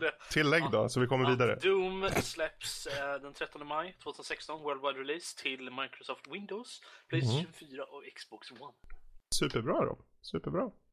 Eh, bra. Eh, vi går vidare till den sista nyheten och eh, vi kan gå in lite snabbt på den. Där Blizzard har visat upp en ny expansion till Hearthstone. Ja, just det. Mm. Eh, det var ju, det, det, jag kände det på mig liksom. Alltså, nu har jag inte spelat så mycket på senaste. Jag hoppade in lite förra veckan och så, Mm. men det är precis som vad det var innan. Eh, men eh, det, jag kände det på mig att det var dags och det, det är väl Lotta som har mer koll på om det är någon speciell lore. För det, den, expansionen heter ju Whispers of the Old God, så jag vet inte om det är någon stor lore-grej från Warcraft-loren direkt där. Men, Alltså, Eh. The Old Gods, det är ganska mycket av en huge grej. Eh, man träffar på som mest eh, av den berättelsen i Cataclysm. Mm. Och eh, särskilt när man eh, kör runt där i, vad heter eh, det? Det är ett undervattensområde. Då eh, pratar man väldigt mycket om. Och eh, Old Gods har starka kopplingar också till Nagas. Men, eh, och för er som inte varit med om med expansion innan, om ni kanske har blivit intresserade själva när vi har diskuterat om Hearthstone tidigare nu, vi hade ju det förra veckan där. Mm. Så det här expansionerna är liksom, det är bara att de släpper en drös ner kort och sen så får man köpa dem bäst man vill, det är, inget, det är inte mer än så liksom. I det här fallet så tror jag man skulle få lite, lite kort gratis bara, så där, det är ju trevligt, det har inte hänt innan. Så det är en, eh, Nice. tum, det är tummen upp. Eh. Det var någon, några legendary-kort där som de hade släppt och de skulle man få direkt. Alla skulle få dem från första början. Så det, är- det är ju inte helt fel. Ja, Eh, alltså- Väldigt trevligt för någon som har otur med korten. mm, precis. typ så. Eh, Ja men det är väl kul. De- Det är ju Blizzard. De, de, fan, de är bra utvecklare. Jag menar om de nu, det går vi inte in på djupt, men de släppte ju en patch här på Diablo 2 och det är liksom eh, 16 år gammalt. Så de, de, de håller till sina spel, de gör dem ordentligt och här kommer en Ja. ny expansion. och snart ska. Warcraft 3 få Battlenet support liksom. Så att det är, ja, det är fantastiskt. Men alltså, just nu finns det inte så mycket att säga. De har, de har släppt lite nya kort. eh, Man, jag tycker att vi kan, eh, vill man se dem får man personligen gå och kolla upp dem. De finns Precis. på, deras, eh, på, på Blizzards hemsida. Mm. Eh, Men eh, jag ser fram emot det faktiskt. Det ska bli kul. Det är, det är ju så här de håller Hearthstone fräscht liksom. Det är så här Mm. det håller sig igång. Mm. Och det kommer ju alltid ett metaskifte när, när nya expansioner släpps. Så det, är, det kommer, kort kommer vara OP, kort kommer vara kassa så att de kommer aldrig någonsin användas. Och det är i vanlig ordning liksom. Mm. Så att, eh, men det ser jag fram emot. Kanske man hoppar in lite mer eh, där. De har också, ska vi se här, nu ska jag få priset rätt. Eh, in, inför varje, eh, varje eh, expansion så har de så man kan köpa 50 paket då eh, för ett rabatterat pris. Så man kan köpa 50 paket för 50 euro istället. Mhm. Vilket det är väl okej. Sådär. Mm. Om man eh, om man känner sig villig att spendera lite extra på det så kan man ju ta det som är mest kosteffektivt om man säger så. Precis. Bra, bra tips där. Um, där rundar vi av spelnyheterna och så går vi in på veckans diskussion. Och den här veckan är det genrer. Vilka passar och inte passar på PC eller på konsol. Eh, och eh, om vi ska spekulera då, eh, hur kan vi tänka oss att utvecklarna gör så att olika genrer kanske passar på de olika plattformarna bättre i framtiden? Mm. Men om vi börjar då, om vi börjar med, vi kan börja med Lotta. Finns det någonting, om du kollar på PC, finns det några genrer du känner de här passar jättebra och de här passar inte lika bra? Och lika så på konsol. Ehm, Alltså, mm? ja, ehm, om man tar en genre som ligger mig ganska varmt om hjärtat så är fighting-spelen. Där vill jag ha en handkontroll, punkt. Eh, visst, det sägs att du på något sätt ska kunna köra med keyboard, men ärligt talat, kom igen grabbar. Nej, Det Nej. tror vi inte på. nej precis. Utan det, det är antingen ett, eh, ett stick eller eh, kontroll. Mm, mm, Ehm, men jag känner att det beror ju bara på eh, inputmetoden. Så att när jag kör fighting-spel så kör jag via min PC då. och bara kopplar in. Eh, så att jag vet inte riktigt om man kan argumentera för att jag faktiskt kör spelen på PC eller på konsol. mm. Eh, för att, ja, tekniskt sett PC men eh, det enda som faktiskt betyder någonting för mig så har jag byten av konsol. Mm.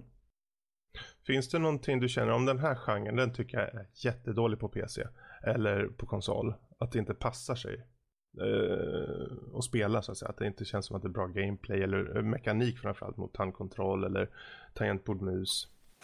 Eh, jag har hittills aldrig hittat ett MMORPG som kan köras vettigt på konsol.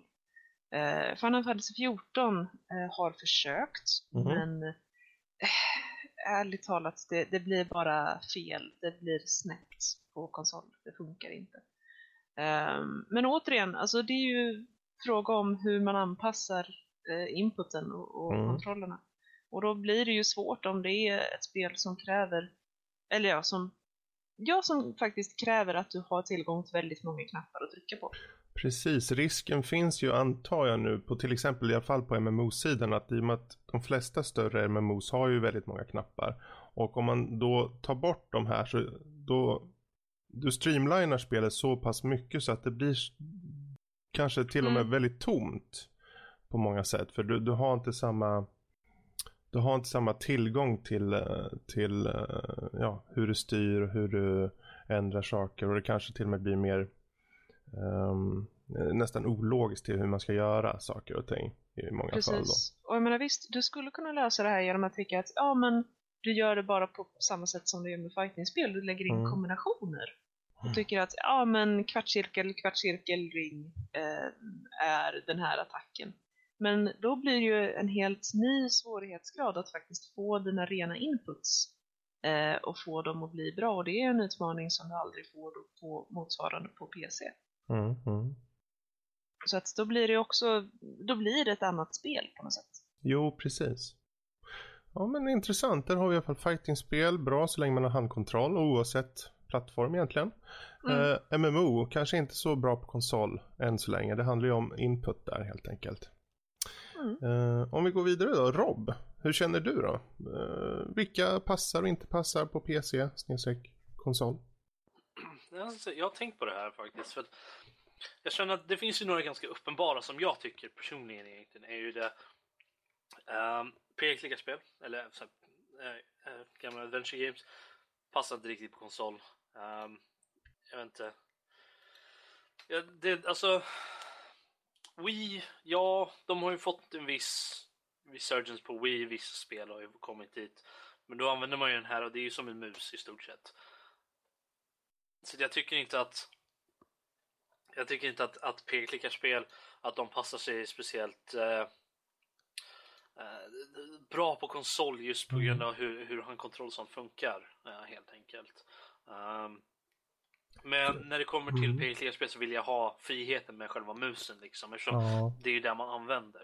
Sen finns det ju såklart de, de äh, äventyrsspelen då, kallar man dem snarare, som, som, använd, som är äh, med konsol. Liksom. Som, äh, Som Dreamfall, Broken exempel. Age till exempel kanske Ja, eller. Dreamfall. Um, där, använd, där behöver du inte använda mus. Jag gör inte det, jag kör det med handkontroll. Ja, ja. För att det funkar bättre helt enkelt med handkontroll. Det tycker jag i alla fall. Ehm, så att, eh, men det är ju inte ett peka-klicka-spel längre i den, i den, eh, den typen av genre direkt. Du kan använda mus och peka runt men det är inte där du använder direkt. Mm.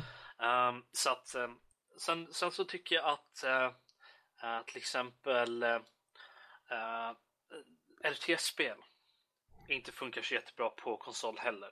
Just på grund av att eh, ja, men tänk dig, inte bara vanliga så här typer av eh, RTS-spel, men tänk dig Civilization liksom. Mm. liksom. Det skulle, jag, tror, det, jag tror inte det skulle funka speciellt bra på konsol för att du vill ha den här snabbheten av muspekaren att hoppa omkring i alla menyer och skit och liksom sånt där. Samma sak med även en simplare sådana som, som Age of Empires till exempel. Mm. Eh, jag tror det, det passar bättre på PC där du har en mus helt enkelt som du kan eh, dra runt på skärmen i all världens hastighet. Liksom. Däremot så kan jag inte komma på någonting som, som inte funkar på PC direkt. Eh, däremot så kan jag tänka mig några spel som jag inte, tycker, som jag inte tycker om att spela med mus tangentbord. Något Mm. som jag föredrar konsol. Menar som uh, hack and slash actionspel till exempel. Mm. Mm. Eh, som Ys Origin, DMC och sådana grejer. Jag föredrar att använda handkontroll för det.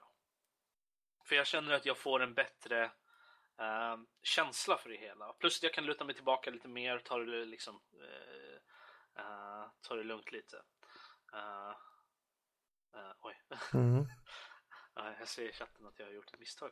Oj, meningen. Det är lugnt. Ja, Ja, men eh, Go on. Men, nej men så att, jag, jag vet inte, jag, jag tror att det finns definitivt vissa spel som funkar bättre som för handkontroll framför mus tangentbord men det betyder inte nödvändigtvis att de passar bättre på konsol än PC, tycker jag inte. Jag känner att det, är- det är inte samma fråga Mm. direkt, tycker jag inte. Just som Lotta Precis. säger, liksom, du kan ju ha man har handkontroll till PC, liksom, jag gör ju det Mm. ofta. Så att, eh, men det finns ju såklart vissa spel jag föredrar att köra på konsol. eh, till Mm. exempel. Jag menar Assassin's Creed till exempel, jag föredrar att köra det på konsol än PC. Jag är inte riktigt säker på varför. Jag tror det bara är en traditionsgrej att jag alltid har gjort det så därför fortsätter jag det. Men, Mm. men eh, jag, jag känner att när det kommer till vissa spel så vill jag ha dem på, på konsol snarare än PC. Mm. Så att jag, jag, jag vet inte om det finns något mer att tillägga på det sättet. Nej. Nej men det är väl bra. Bra input. Eh, Kalle då? Ja, eh, jag vet inte om jag har så mycket att tillägga, men det är väl MMO och RTS som inte riktigt hör hemma på konsol. De försökte ju med RTS med just Halo Wars tänkte jag ju. Det var väl Mm. det närmsta man kan komma till något lyckat uh, RTS-spel där. De Just hade ju, nu var det ju Games eh, with Gold som Supreme Commander 2 fanns. Jag har tagit ner men jag har inte kört det. På Xbox. Jaha. Nej, det får, det får jag avsmak i munnen när jag hör. Usch. Hmm. Halo Wars får ju en tvåa. Får de ju. Mm. Och Halo Wars är det enda spelet som jag har sett som skulle kunna funka. Eller där, där RTS-genren faktiskt har funkat på en konsol. Mm. Ja, alltså, det är, alltså, det, Men då är det liksom, eh, det som Command and Conquer liksom. Ja, eller hur? alltså jag tror att de gjorde så bra de kunde. Alltså, spelet hade lite andra tekniska problem så att det, det var lite, det blev- började lägga lite när det blev tjockt med gubbar på skärmen. Men alltså med det de hade att jobba med så, så kände jag att eh, de gjorde ett bra jobb. Men det var Mm. ändå så här, eh, du liksom kunde välja alla gubbar på hela kartan med en knapp och du kunde välja alla gubbar som du kunde se just då. Men så kunde du klicka på A så fick du bara liksom den gruppen. Eller så kunde du hålla in A så fick du en liten större cirkel där du kunde markera gubbar. Liksom. Mm. Du kunde dubbelklicka också fick du alla av samma typ. Och det var ju helt okej, men de tappar ju ändå den här finessen liksom. Alltså de, de riktigt Mm. eh, avancerade RTSen som Starcraft 2 och eh, jag tänker Planetary Annihilation, de finns ju på PC av en viss anledning och då, du, du behöver den där lilla precisionen. Mm. Eh, det sagt så, så tror jag det som, som Rob säger, att det, det är inte direkt konsol PC, utan det är snarare eh, det är snarare eh, liksom hur man kontrollerar spelet, om det är mus tangentbord eller kontroll. Ett eh, spel där jag kan säga att jag föredrar kontroll, det är ju faktiskt Dark Souls. Eh, det har jag ju spelat på kontroll eh, bara. Och det, det skulle säkert gå att spela bra på med mus tangentbord också, men just den här tredjepersons eh, me- melee combat, alltså det känns det känns bekvämare på kontroll på något sätt och de har ju, alltså det är ju väldigt anpassat till kontrollen i sig så det känns Mm. ju som att du saknar knappar eller något sånt där. Det Ja, och där är ju ett bra exempel också i och med att det är ju ett spel som i mångt och mycket, det, de har portat det liksom. Det är en Mhm. sån tydlig portning. ja. Och då är det ju i de fallen väl egentligen eh, bäst att faktiskt köra på det, eh, den form av input som gjordes ursprungligen på, för spelet kanske då. Ehm, men om man nu tittar på genrerna i sig. Vi, vi snackar om att det är RTS, MMO, det är spel som är svåra på konsol. Uh, än så länge har vi inte fått något exempel på något som inte funkar på PC men ehm, det kan vi ju se å andra sidan på att de här portningarna skulle jag vilja ta upp då och säga att jag, jag kan tycka att det är någonting man skulle kunna göra bättre. Kalle? Couch co-op. Couch co-op. Jo, precis. Precis. Mm. Saker som eh, typ Super Smash Brothers och sådana Ja, grejer. det, Mm. det händer ju ofta att vi sitter här hemma och spelar Smash på Win som vi har här. Alltså, eh, jag tänker Rocket League, alltså visst vi kan, jag kan spela Rocket League på min dator och sådär men det är liksom inte riktigt samma grej så då kanske man måste konka ut den i vardags, alltså det blir en helt annan grej liksom. Mm. Eh, Just på grund av att du sitter framför en, en, en eh, du ska helst sitta framför en tv. Så att du får liksom gott om plats och allt det där. Det är väl det, är väl Mm. det som det gäller. Alltså, visst, du kan sätta upp en dator vid, vid, eh, vid tvn också, men generellt sett så är det konsolen som sitter vid tvn och då är det väl, eh, Eh, då skulle jag väl, ge, om det är någon, någonting, någon form av spel jag vill ge till konsolerna så är det couch co-op. Så Mm.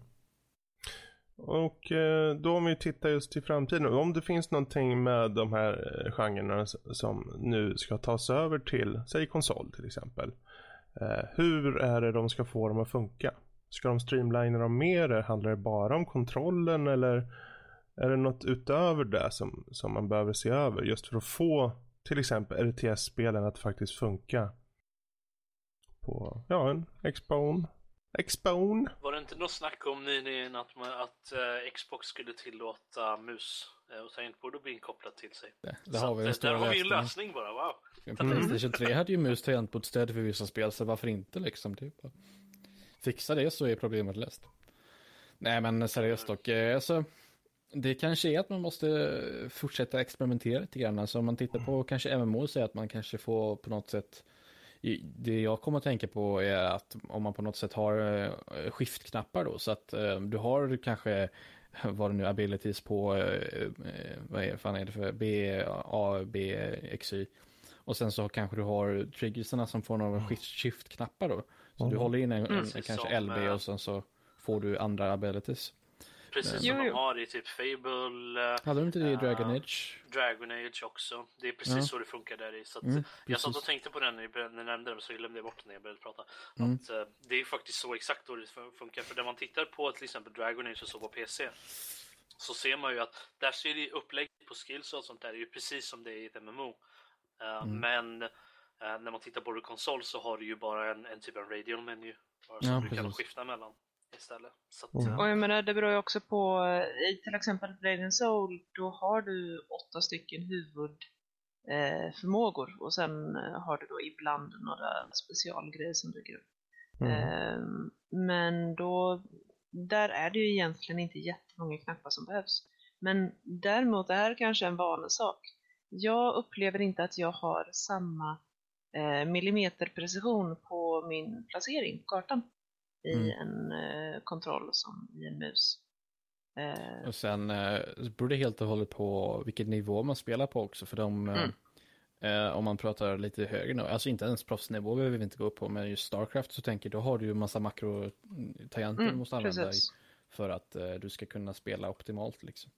Men Eh, precis. har man ju ändå liksom någonting som man kan göra. Om man tittar på till exempel Elite-kontrollen till, eh, till Mm. Xbox, där har de ju eh, mappable, liksom de här grejerna som sitter bak på. De går ju att mappa eh, till olika, det, jag tror det är ungefär som en makro är det ju.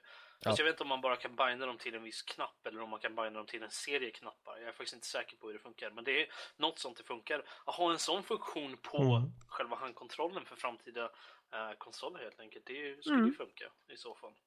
Absolut. Intressant. Jag kommer att tänka på en sak nu. Jag tänker, vi har ju pratat om just nu genrer då på PC och konsol. Men det finns ju en, det som kommer nu i VR. Hur kommer det påverka tror ni i vad gäller genrerna? För om vi tittar på till exempel konsol. Där har vi snackat, ja det här funkar kanske inte lika bra och det här funkar bäst. Kan VR komma in och faktiskt ändra om hur bilden ser ut av spelen? Kan det vara så att RTS kanske kan få sig en riktigt bra input med VR? Alla sitter framför varsin dator i sina, sina hem och sen så sitter man i, på en virtuell soffa och spelar eh, Rocket League. Det var, det var. Tittar, man, tittar man till vänster så ser man en silhuett av en person som sitter bredvid en. Eller vadå? Ja, ja, ja. Of course. Om du spelar med vänner så har du personens eh, avatar Ja, som liksom precis. flyter där ovanför axlarna. Alltså, jag kan ju tänka mig att så länge vi inte har någon form av äh, gest eh, kontroll när det kommer till VR, säg typ som HoloLens liksom, där du faktiskt kan flytta saker med själva händerna inuti VR-grejen. För VR är ju fortfarande länkat till eh, äh, mus, tangentbord eller en handkontroll. Så jag tror inte att, och det är, ett- jag tror att det är där som de flesta problemen ligger, är ju i input eh, biten snarare än output. eh, när det kommer till det man ser. Mm. Eh, Så att jag tror inte VR kommer ändra någonting, ändra någonting eh, substantiellt i alla fall när det kommer till det eh, förrän vi får någon form av eh, handkontroll liksom. Om Vilka var det typ som, där möjligtvis. Det var ju någon som gick ut och sa att de skulle göra en glove. Jag tror det var Mm. Playstation. Eh, De har ju Ja, en... var, ja. Ja, och den, den kommer väl komma då. Då blir det ju att det blir ju påminnande om den här gamla Nintendo Power Glove eller vad tusan den hette. Mhm. Eh, fast nu så kanske det kan funka faktiskt. Ja, nej, alltså, det, det, det skulle vara jätteintressant tycker jag. Mm. För då får du ju en annan typ av precisionskontroll i så fall. Mm. Mm. Då använder du ju bara fingrarna och liksom trycker istället. Det skulle funka skitbra med typ med äh, så här RTS och sådana där du använder musen väldigt mycket. Jag är inte säker på hur det skulle funka med typ MMOs och sådana grejer, men äh, då får man ju säkert ha någonting annat äh, som kommer till det. Men Sword Art Online. ja, eller hur? Ah, Nej men är det HTC också som har de här eh, äggliknande grejerna? Ja. Eh, det är också lite åt det hållet liksom, där man Mm. också får ökad precision. Precis. Måste man Ja. visserligen ha de här stora lyktorna så man eh, får koll över hela rummet. Men i alla fall. Mm. Jag kan tänka mig att eh, vissa genrer får kanske ett uppsving. Om man kollar på PC, Mm. säg att du sitter med eh, ja, HTC Vive. Ja. Och sen så kör du eh, Total War, Warhammer. Där du Mm. ser allting, hela världen omkring dig. Och du liksom med armen bara, ja de här gubbarna ska vi dra ner dit. De där borta ska vi dra bort dit. Vi ska ta flankar från det hållet på den där armén där. Där har man ju fan, det vattnar är lite. ju enorma Mm. alltså. Sen For tror jag. Space Sims kommer få ett uppsving igen. De hade ju lite av en golden Ah, age på 90-talet där. Men nu liksom, alltså tänk, eh, jag tänker mycket Elite Dangerous, mycket i Valkyrie Mm. och eh, säkert, vad heter det där, No Man's Sky heter det så. Precis. Mm. Det, det kommer bli fantastiskt för det passar så otroligt bra, VR-konceptet. många, Liksom. många spel som uh, möjligtvis eh, lite som tar en, en liten annan titt på saker som Mirror's Edge till exempel. Sådana Mm. spel kan jag tänka mig kan Mm. få en liten uppsving. Jag kan också. tänka mig att Arma kommer passa väldigt bra också. Där, där är, det är ju en simulation redan där, så jag tänker mig Mhm. att integrationen, integrationen av VR kommer passa väldigt bra och då kommer det bli en ännu mer intensiv upplevelse att vara, verkligen vara i, i, alltså, i- eldstriden på, nästan på riktigt. Alltså det kommer vara Mm. ännu värre än vad det Mm. redan är idag. Liksom, jag har ju diskuterat om, jag har pratat om Arma 3 innan och hur, eh, vilken adrenalinkick man kan få av det när man har smugit runt i två timmar och sen helt plötsligt så blir det eldstrid. Tänk nu liksom, om man har, eh, när man är liksom helt eh, instängd i den här världen och sen så, ja, det, det, det mm, jag, ska bara, Ja. jag ska bara gräva fram lite pengar ur, mellan softdynorna så kan vi ordna det här. Ja. ja Det där det, Mm, hemliga hålet på magen. Mm, det, man, man, fantasin bara springer iväg när man börjar prata om det. Ja. Ehm, men där, där får nog räcka för den här veckans diskussion angående genrer och vad som passar och inte passar på PC och konsol. Ehm, fördelen är ju att vi har både PC och konsol så vissa saker passar bättre. Om du vill eh, köra couch co-op så är det jävligt skönt att ha en konsol. Och vill du sitta och köra Civ 5 på eh, PCn och ha den här superkontrollen med mus och tangentbord, då kan du det också. Vi lever i en jättebra värld nu som har de här möjligheterna. Och det, Mm. det i sig är ju jättekul. Eh, nästa veckas diskussion eh, kommer vara angående nätmobbning. Eh, och hur man bäst motarbetar den och hur man uppmuntrar till bäst eh, ja, beteende på nätet och så. Och det här är just på grund av att nästa vecka har vi en gäst vid namn Fighton. Eh, han har Och en... Fredrik, hur stavar man till Phaeton? Phaeton eh, stavas PH13T0N. Och han hittar på. Twitch. Den, honom hittar ni på Twitch. Eh, och vi får nöjet att få med honom i nästa veckas podd. Eh, vi reserverar oss självklart för eventuella förändringar om det, något skulle uppstå så. Det vet man ju aldrig. Crabben Lillard, sådär. Så. Yes. Snälla, nätmobba oss inte. Nej. Så du, Så menar där- att, så du menar att vi ska försöka lura i den här stackars människan att vi faktiskt är seriösa genom att ha ett tungt och seriöst diskussionsämne? Nej. Är han, har ju, han, har ju, han har ju skrivit, han har ju varit med i tidningar angående just det här. Han är ett viktigt eh, ämne för honom. Så det är därför. Så det ska bli riktigt intressant faktiskt. Och så får han vara med också på hur vi bygger upp den här lilla podden och så. Får han hoppa Yes. in lite i spelfokus och spelnyheter och allt vad det må vara. Mm.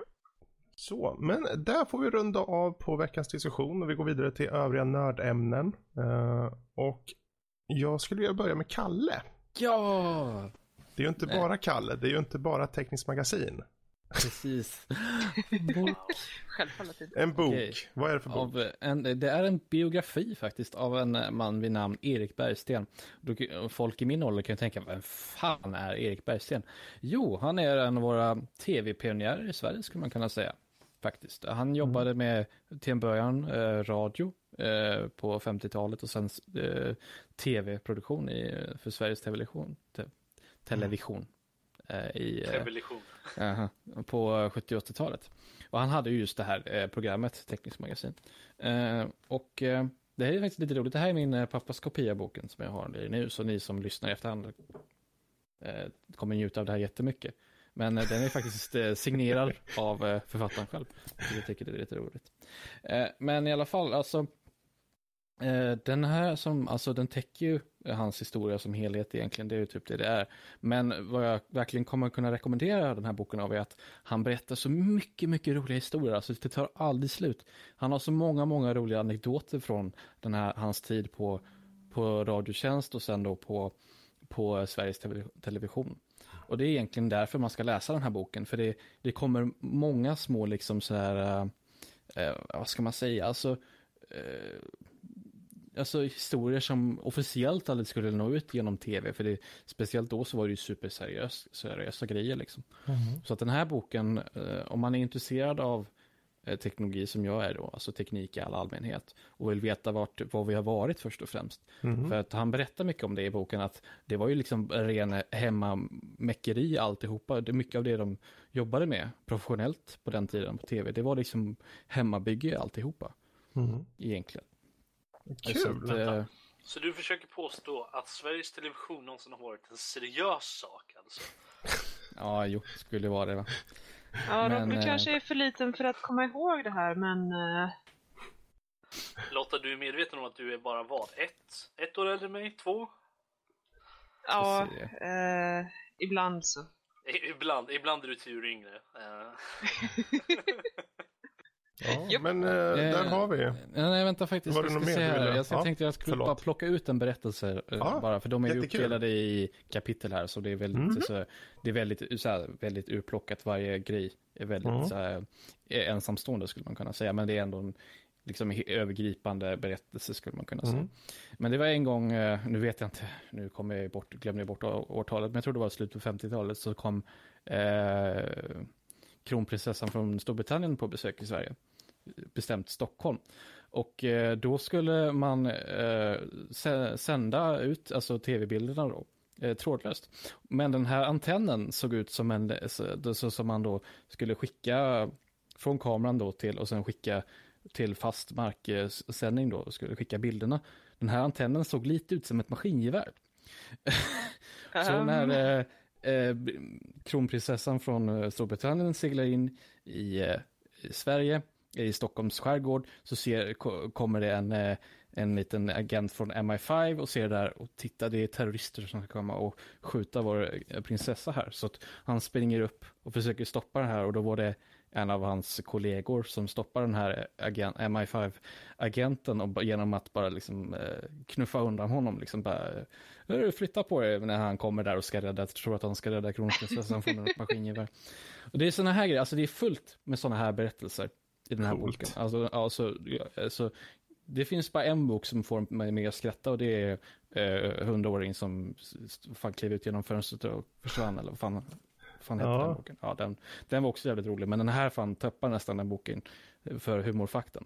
Så den är väldigt intressant ur tekniskt perspektiv, Mm. men också så här väldigt eh, roliga anekdoter från, från hans liv då. Mm. Att, Där har vi eh, det. Om man är tekniskt intresserad och gillar biografier men framförallt roliga liksom, erfarenheter och, och anekdoter så är det Mm. här eh, verkligen ett bra boktips. yes, Erik Bergstens Inte bara tekniskt magasin. precis. Bra. Ehm, och om du ska sladda över till någonting helt annat. ehm, som är ganska luddigt ändå. Det är ju att vi har hört att eh, den här Star Wars-regissören JJ Abrams. De vill ju göra film av Half-Life. Eller vill och vill. De har ju snackat om det redan för tre år sedan. Eh, gjorde de det på, på DICE-event då. Och eh, nu har de egentligen nämnt lite ytterligare då att ja, det vore intressant och så. Jag bara undrar här, men hur skulle det te sig egentligen? Rob, du vill ju prata nu. vill jag? Ja, okej. Okay. Uh, ja, jag kan prata. Var det något specifikt du vill? Ja, ah, du vill prata om det här? Okej, okay, ja, okej. Okay. Uh, alltså, min, min uh, erfarenhet av Half-Life är inte den bästa. Uh, det är mycket döende, det är mycket, mycket döende, inte mycket dödande utan mycket döende och mycket alltså. ramlandes av stegar. Uh. Uh, för min del. Uh, lite shameless plug om man går på youtube.com slash så finns det en playlist där jag spelar typ hälften av Half-Life 1 och det är mm. mycket stegar som jag inte klarar av i det här spelet. Så att eh, om, det, det, om det kommer vara med i filmversionen där eh, Gordon Freeman inte kan klättra för stegar ordentligt så eh, är jag helt allt för det eh, på det sättet. Um, nej men alltså om man säger så här. Um, alltså det skulle ju vara intressant om de kan göra det bra. Men som, som Carl tog upp i, i, i våran pre-show, eller det var inte en pre-show, det var våran privata pre-show helt enkelt. Uh, med, uh, med strippers and booze. Nej men så... Of course. Där, ja precis. Så, så ser jag det att det, en av de sakerna som är problematiska är ju att Gordon Freeman kommer börja, behöva prata helt enkelt. Och det eh, får man ju tycka lite som man vill. Alltså man kan ju säkert på något sätt justifiera att han inte pratar under hela filmen. Antar jag. Uh, göra det till lite running gag kanske. Liksom varje gång han öppnar käften för att säga någonting så avbryter någon honom. Uh, det skulle väl kanske vara lite roligt i typ fem mm. minuter. Men... Uh, men jag vet inte själv riktigt. Alltså, det vore ju intressant för Half-Life storyn är väl okej. Okay. jag vet inte riktigt hur den slutar, Half-Life 1 i alla fall. och jag kan i stort sett ingenting om Half-Life 2 story.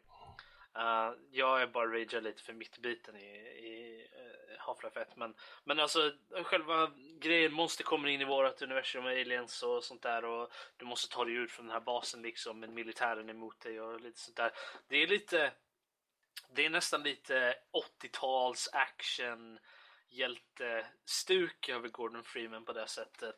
Så att om, det skulle man, om man skulle göra filmen som en throwback till 80-tals actionfilmer så tror jag att det skulle funka på något sätt. Uh, Gordon Freeman som drar lite wisecracks lite då och då kanske, lite eh, alla John McClane kanske.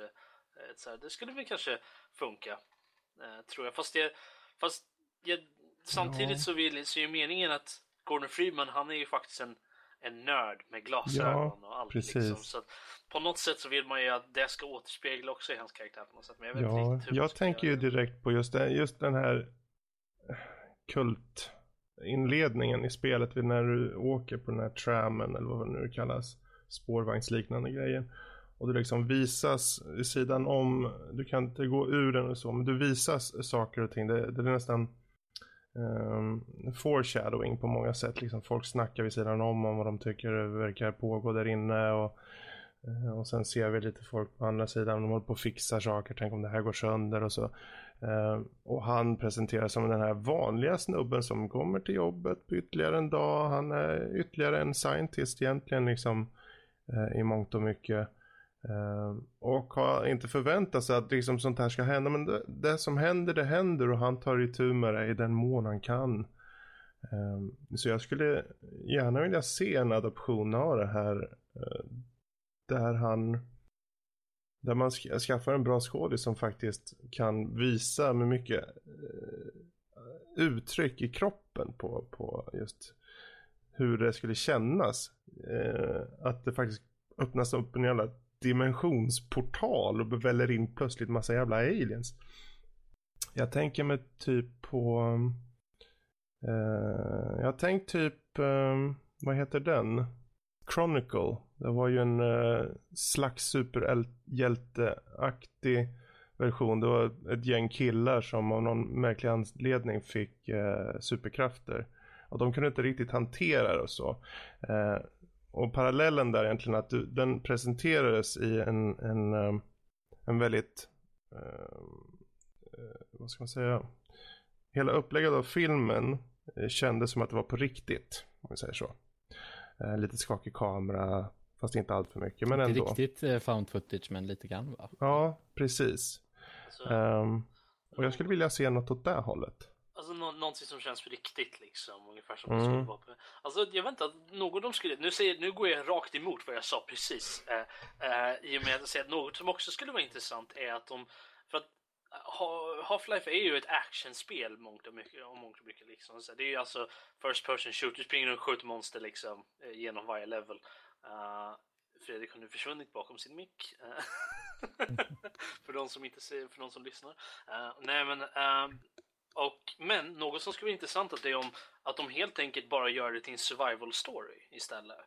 Inte att han springer runt och mejar ner monster efter monster liksom, men att monsterna fakt han faktiskt inte kan döda monstren eller att, inte, eller att liksom, han bara gör det ytterst få gånger under spelet. Större delen så springer han ifrån dem eller måste gömma sig ifrån dem. Så Ja, eller att som, precis som, i, liksom, precis som i spelet så använder han sin miljö runt omkring sig. Det kan kanske så att han skjuter ihjäl ett stort monster med ett hagelgevär, utan det är snarare att han använder sin, sin miljö runt omkring sig för att på något sätt döda monstret eller vad det nu kan vara. Liksom. För att påvisa sin intelligens liksom Mm. på något sätt. Det är- mer taktiskt tänkande än, än liksom meja på från rätt fram. Men eh, något, som, något som jag skulle tycka var intressant, men det är ju bara för att det liksom på något sätt eka själva genren, är det att köra hela eh, filmen från first person. Eh, med typ någon form av... Eh, nej, nej, nej, nej. Jo, jo, jo, jo, Nej, jo, jo. nej, nej. Jag såg, jag såg nyligen Doom-filmen. Åh, igen. fy fan. Ja, jag älskar den sekvensen. Ja, ja. Ehm, och de har ju Ja. i, det är en ny film som kommer ut, är någon sån här komedifilm med han som gjorde Borat liksom. I början av trailern för den så har de ju en sån sekvens liksom där det är från första persons vy där han springer runt och gör massa eh, hopp och, och slår folk och sånt där. Alltså, jag, jag- tyckte det var skitcoolt. Alltså, Men, eh, jag, jag vet att jag sa att det är ett problem med att eh, man måste ge Morgan Freeman, eller inte Morgan, Gordon Freeman en röst. Men att göra det i första persons, alltså hela personen i första, från första persons perspektiv. Eh, alltså jag, kan, jag kommer inte på en bra liknelse. Det är som att eh, om man vill hugga ner en skog så bränner man ner den istället. Jag vet inte. Alltså så jag, det, ty- jag tycker att vi har ju faktiskt teknologin att kunna göra det bra nu. tycker we jag. have the technology. Jag tycker, Ja, jag tycker faktiskt att det, det vore väldigt intressant att se det bara. För, för att se om... För att, jag, menar, jag skulle inte kunna göra det, för jag är inte filmskapare. Och jag menar, så, men det skulle vara intressant att se någon som faktiskt är en bra filmskapare göra det och se om det går att göra bra. Mm. Jo, den punkten kan jag hålla med om. Eh, bara de börjar med något annat först. och inte ger sig på Half-Life. För det, hittills av det man har sett så har det varit paj bara liksom av det. Ehm, och det, dessutom att ha en hel film, det är en sak om du har en liten sekvens som en hommage liksom. I en hel film, då ska, då ska personen som det handlar om förmedlas utan att du ser han. Och det är ju eh, väldigt få skådespelare som, kanske ens känner att de vill ta den utmaningen. Um, men visst, jag vet aldrig. Men ja, det finns väl inte så mycket att säga om den här nyheten. Det är ingen nyhet i sig heller, för det kom ju egentligen för tre år sedan. så det är väl egentligen bara nu som man har in- inklat lite om, ja det vore coolt om vi kunde göra en film av Half-Life. Så det är bara en ytterligare bekräftelse på att de eh, fortfarande vill det. Så, men ja, det finns väl inte mer att säga. Är det något du vill föra, tillföra Lotta eller Rob eller Ja, alltså, vore spännande men som sagt, det kanske blir lite väl spännande. Men, eh, ja. Det, nej, nej, men jag kan inte gå och se den här filmen. Det, var, det är för mycket. Det, det, är, det är för nördigt. Jag kan inte gå och se den här alltså, helt enkelt. Ja, okej. Nej, alltså, jag tror nog att det, måste, det är en sån här grej som alldeles för många tycker om, tror jag. En sån här, det, det här spelet, det, det ligger närt och kärt för mång, väldigt många gamers. Jag menar, många av de spelen som har gjorts tidigare liksom är ju, ja de är ju klassiker ofta eller något sånt där. och Så, men Half-Life är ju en sån stapel nästan när det kommer till eh, FPS-genren Mm. direkt liksom. Mm. Så att jag, gör de den fel så kommer de ju aldrig ha någon cred för, hos nördar någonsin. Nej, precis. Fast det har inte stoppat eh, Hollywood än. Men de gör skitfilm efter skitfilm, bara fortsätter. Ehm, Jo, fast Men- de lyckades få Uwe-Boll att sluta i alla fall. Så det är, ja, det är ju alltid något. Mm. Och Assassin's Creed-filmen kommer och den har Fassbender i sig. Det är båda Ja. gott, tycker jag. yes. Eh, bra, där sätter vi punkt för det. Och så hoppar vi in på den sista delen som är lyssnarmail och vi har fått in en hel del mail under veckan. Och jag vill passa på i förväg bara säga tack för, till alla er som har mailat in. Vi kanske inte hinner ta upp alla nu under podden men ni ska veta vi uppskattar det jättemycket. Um, Rob, om vi tar ett litet mail då ur Ett högen. litet Vad, mail. Så vi ska inte ta alla de skitlånga mailen vi har fått. Vi, vi, vi skiter i ta, dem. ta Vi ett får- valfritt mail nu Skicka som inte inte... in långa... Nej jag skojar. Uh, skicka in gärna långa mail och så. Det är inte säkert att vi alltid tar upp dem i podden dock. Jag vill bara preface det här med att säga Yes. det. Att, uh, skickar ni in väldigt långa mail så är det inte möjligt att ni tar upp dem i podcasten om vi har fått väldigt många mail.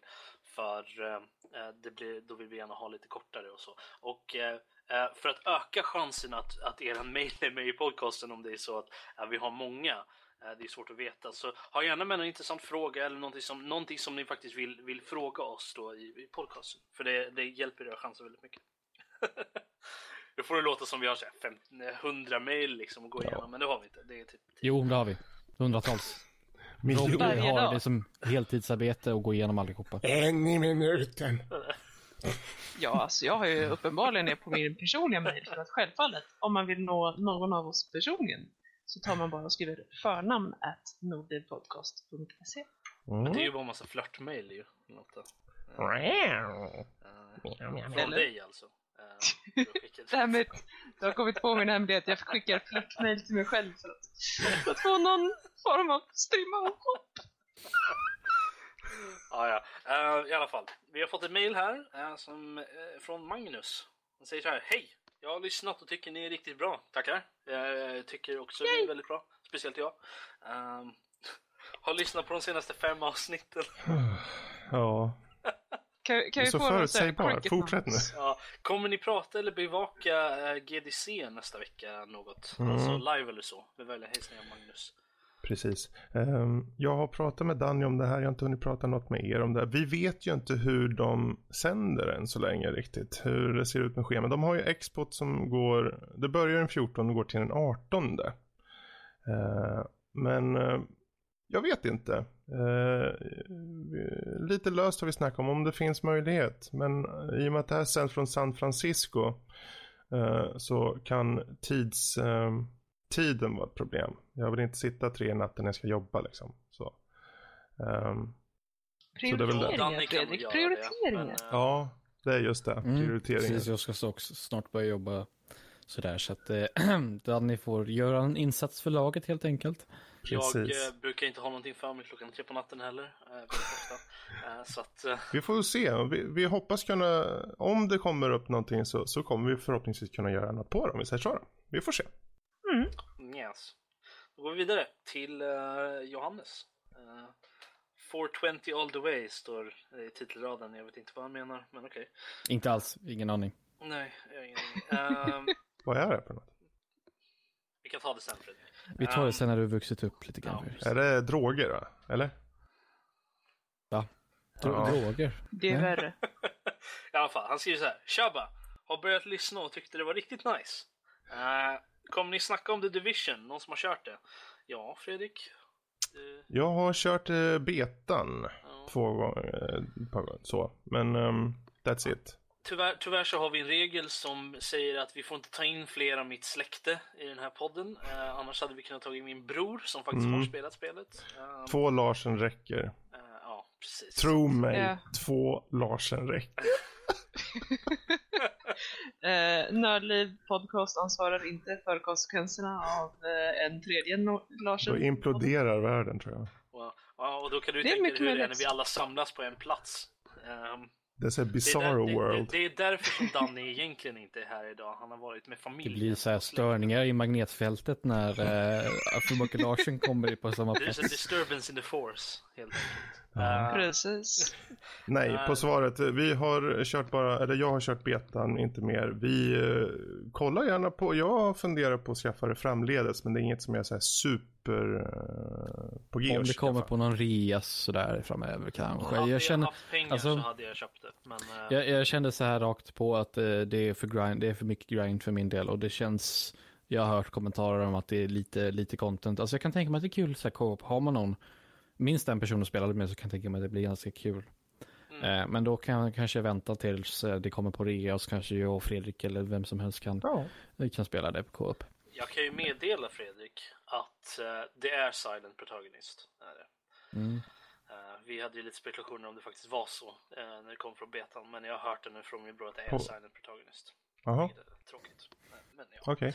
Så att, men som sagt, hade jag haft pengar så hade jag köpt det och kört det redan med min bror. Mm. eller Så, så, men tyvärr, jag är ju fattiglapp. Um, eh, han skriver också, eller Grim Dawn för den delen. Uh, jag har lirat skit, det skitmycket redan, vore kul att höra Just vad ni det. tycker. Är det någon som vet vad det är för någonting? Ja, det är ett action-RPG eh, i Diablos anda. Eh, och jag har fått väldigt bra kritik. Har det. Ehm, bra co-op-läge, bra samarbetsläge så att säga. Eh, jag har sneglat en del på det, det har jag. Eh, men jag har ju kört Diablo 3 och ja, jag börjar, jag börjar ebba klart på, eh, på Diablo 3 nu känner jag. Det kommer ju en patch och jag har kört skiten ur den och nu kanske man behöver byta här. Grim Dawn kanske. Mm? Ja, men vi, alltså vi, har, jag- vi, vi har ingenting sagt om det alltså eftersom ingen har kört det. Men eh, Fredrik han lutar åt dit så vi kanske får en spelsession om det nästa vecka. Något sånt. Sen är bara frågan, om det är Diablo-stil, är det mer Diablo 1 och 2 eller Diablo där 2. man faktiskt blir rädd? Ja, Okej, ja, men vad bra. Eh, Diablo Eller- 2 säger alla med, en, eh, med ett upplägg som Diablo 1 i story och känsla. Mm. Apokalyptisk fantasyvärld. Mm. Fredrik har en tendens att säga att han, ja någon gång i framtiden sen ser man honom sitta och spela det dagen efter. Så att eh, vi får se vad som händer uh, angående det. Du är inte den enda jag känner. Du, skulle inte, du ska inte veta vad jag höll på med idag då. Det är tur. Fortsätt. Ja, nej Fredrik, jag vill inte veta vad du höll på med idag. Jag höll på en turné ute i affärer. Det var så nära att jag... Ja. Ehm, Ja, vad skriver han mer? Ja, han skriver så här. Har ni några bra förslag på spelmusik? Eh, Jag kör jävligt mycket Spotify och gillar att, på, eh, att ha på bra soundtrack från spel. Några spel som har superhärligt soundtrack som ni kan tipsa om? Vi skulle egentligen haft Max här för det här känner jag. Ja, Oh, det. alltså jag har, jag har ett band som jag bara måste tipsa om. Mm. Eh, och det är The Megas. Eh, de kör ju alltså musik från, well, gissa vad, Man. Eh, med text till. Och texterna är faktiskt redigt bra och de är riktigt skickliga musiker. Så att varmt rekommenderar The Megas. Och sen Okej. honestly, alltid Final Fantasy. Seriously. Ja, Final Fantasy-musiken är bra. Eh, Jag kan också tipsa Halo-soundtracken. Eh, Mm. Gillar man, även om man inte gillar Halo eller något sånt där så soundtracken är väldigt, väldigt bra. eh, Tycker jag i alla fall. Men som sagt, YS-spelen har också väldigt bra musik. Det är mer, lite mer fast-paced dock. Ja, Carl? Tror det eller ej, men Dark Souls 1 har extremt bra soundtrack. Speciellt Nej, i jag tror det boss, inte. bossfighterna. Käften Rob. Ingen bryr sig om vad du tycker. Men Eh. speciellt i bossfighterna, de är jätte, om speciellt om man gillar så här eh, episk operamusik så är det jättebra. Mm. Eh, på tal om episkt och opera så får jag tips från chatten här också, Skyrim. Ja, just det ja. Ja, jo, De absolut. har väldigt bra musik i det. Mhm. Jag skulle vilja säga Dragon Age Origins också. Den har en mustig liksom. eh, Åh, Lilianas sång! Ja, Ja. fast det är inte... Ja, eh, ja. Jag kan väl säga alla Dragon Age för den delen. Oh yes. Ehm, Eh, Mass Effect har också väldigt bra musik. Mm. Där, där det är musik. Det är, inte, det är inte så jättemycket musik i de spelen, vad jag tycker jag inte. Men, men den musiken som är är faktiskt väldigt bra. Eh, eh, men eh, jag vet inte, alltså det, fin det finns ju hur mycket spelmusik som helst. Jag menar, eh, men jag, menar, jag skulle egentligen tipsa att egentligen bara googla och se vad folk säger egentligen. Tycker, och liksom säga, det, det beror ju lite på vilken typ av musik man tycker om också. Mm. Eh, Mm. men eh, ja, som sagt, jag menar, gillar man verkligen så här growl rock, hård death metal grej så kanske DMC soundtrack är för dig. Men ja, ja. ja. Eh, jag Mm, vet inte, jag eller vad fan heter det? Metal Gear Solid, heter? Heter det Rising Revenge? Fan heter spelet? Revengeance. Ri- Revengeance ja. Den soundtracken är också riktigt bra. Nej, Ja, just det ja. inte. Nej. Vill inte höra mer om det spelet. Det är fortfarande ingen som bryr sig om vad du tycker Rob, så att det är lugnt. Jo. Eh, Eh, I alla fall, uh, han fortsätter säga det. Det var allt jag ville säga och jag ska fortsätta lyssna. Det är bra, fortsätt med det. Jag börjar i förra och ska gå bakåt tänkte jag historiken. Okej, eh, då kan jag bara ge en heads up. Vi har fått bättre utrustning eh, under senare tiden här. Eh, men det är lite, det är lite eh, brusigt i början. Men eh, contentet är För ju att helt eh, okej. citera eh, Fredrik, det är så nu ungefär som att polera bajs för att försöka fixa till de där gamla avsnitten. Det låter väldigt mycket som något Fredrik skulle säga. Ja, det gör ju verkligen det. Och jag, jag kan ju med största, eh, jag kan med största ärlighet säga att han faktiskt har sagt det också. Så att, Ja, och då ska ni veta att jag har suttit och fixat alla avsnitt i efterhand här på senare veckan. Eh, så Jesus, i den mån som det går att fixa, apropå det som han sa där, som att polera bajs, så Mm. stämmer det i kvaliteten. Men innehållet. Hur som haver, vad fortsätter han med? Han hade Eh, inget han mer säger där. bara med vänliga hälsningar Johannes. Eh, Så Mm. vi går vidare till nästa mejl. Gör vi. Yes. Eh, vi har, jag tror två mejl till. De är inte så jättelånga. Prata av sig lite heter det här. Det är inte så jättelångt så det är lite motsägelsefullt känner jag. Det är lite Okej. i och för sig. Eh, Hi everybody! Eh, hoppas att allt är gott med er. Vad bra avsnitt ni hade sist, riktigt underhållande. Ja, man tackar. Wow, kul. Eh, som sagt, jag Bara är för att jag inte var med. bästa. Eh, det, Lotta, hon var inte med så att hon, hon ja, tillförde. Ja, men det var ju därför det var bra. Så att, eh, Precis. Eller hur? Varierande nivå av därför det var självförtroende. riktigt underhållande var det. Det, var- det var Ja, liksom ingen precis. Lotta där som kom in med sina dåliga skämt helt enkelt. Ehm, om jag fastnade på en öde ö skulle jag ha, ha med mig Diablo 3. Ingen level cap och massor med sköna uppdateringar som lägger till bra content forever. Ja. Ja, det var ju inte, för hade jag var inte säker på att vi hade internet på den här öde ön. Så att jag, Vi sa ju inget emot det. Nej, men det kändes lite Nej, men då plockar jag med CSGO i så fall. Ja, ja. Jag ska bara säga att vi hade en fråga om vad ska, vad, vilket spel vi skulle ha med oss om vi mot, eller spela om vi hamnar på en öde ö, med den Det spelmaskinen. kanske blir dåliga latenser, det menar det är en öde ö liksom. Det Ja. kanske blir hög ping. Jag, jag skulle nog, alltså jag, jag, jag utgick ifrån det faktum att vi inte hade något internet Mhm, på den här det jag också. Så, ja, så det, det, det var väl lite det som var meningen, antar jag. Annars hade man ju bara kunnat ladda ner alla spel från Steam, så att det var Mm. verkar lite konstigt. Uh, jag fortsätter så här. Uh, Hearthstone for the win. Ja, ja, Mhm, och så. mhm. Eh, Ja. Hoppas ni tar upp fler klassiska spel. Skulle vilja höra lite mer om NES, SNES, Sega Mega. Eller varför inte någon gammal spelmaskin som Amiga, eh, Atari. Mm. Kanske ska... Fredrik har ju, eh, han är gammal så han har ju spelat de spelen. Ja, Eh, de spelen. Ja, de, de spe, spel från den tiden menar jag alltså. Mm. Eh, jag, menar, jag är mer ett SNES, SNES Kanske ska jag slå, sno med mig me- Megadriven och ha nere hos föräldrarna så kan jag spela lite Flashback eller något. Åh, flashback. Alltså, det, det är inte, Mys. alltså vi kommer ju såklart ta upp spelet så som det kommer till oss. Jag, menar, jag tog ju upp, eh, um, förra veckan tog jag upp uh, Actracer som är ett gammalt SNES-spel.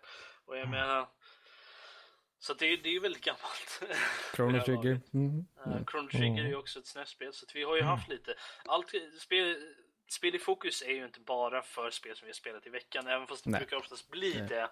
Men eh, det är ju till för oss att ta upp uppmärksamma spel som är från alla tider och åldrar. Eh, så att eh, det, Precis. det, är inte, det är inte omöjligt att sånt dyker upp och sen kanske vi kan lägga något tema någon gång om att vi ska prata om sådana spel. Jag kan nästan lova att vi kommer ta upp eh, i Ja. alla de här spelkonsolerna på ett eller annat sätt.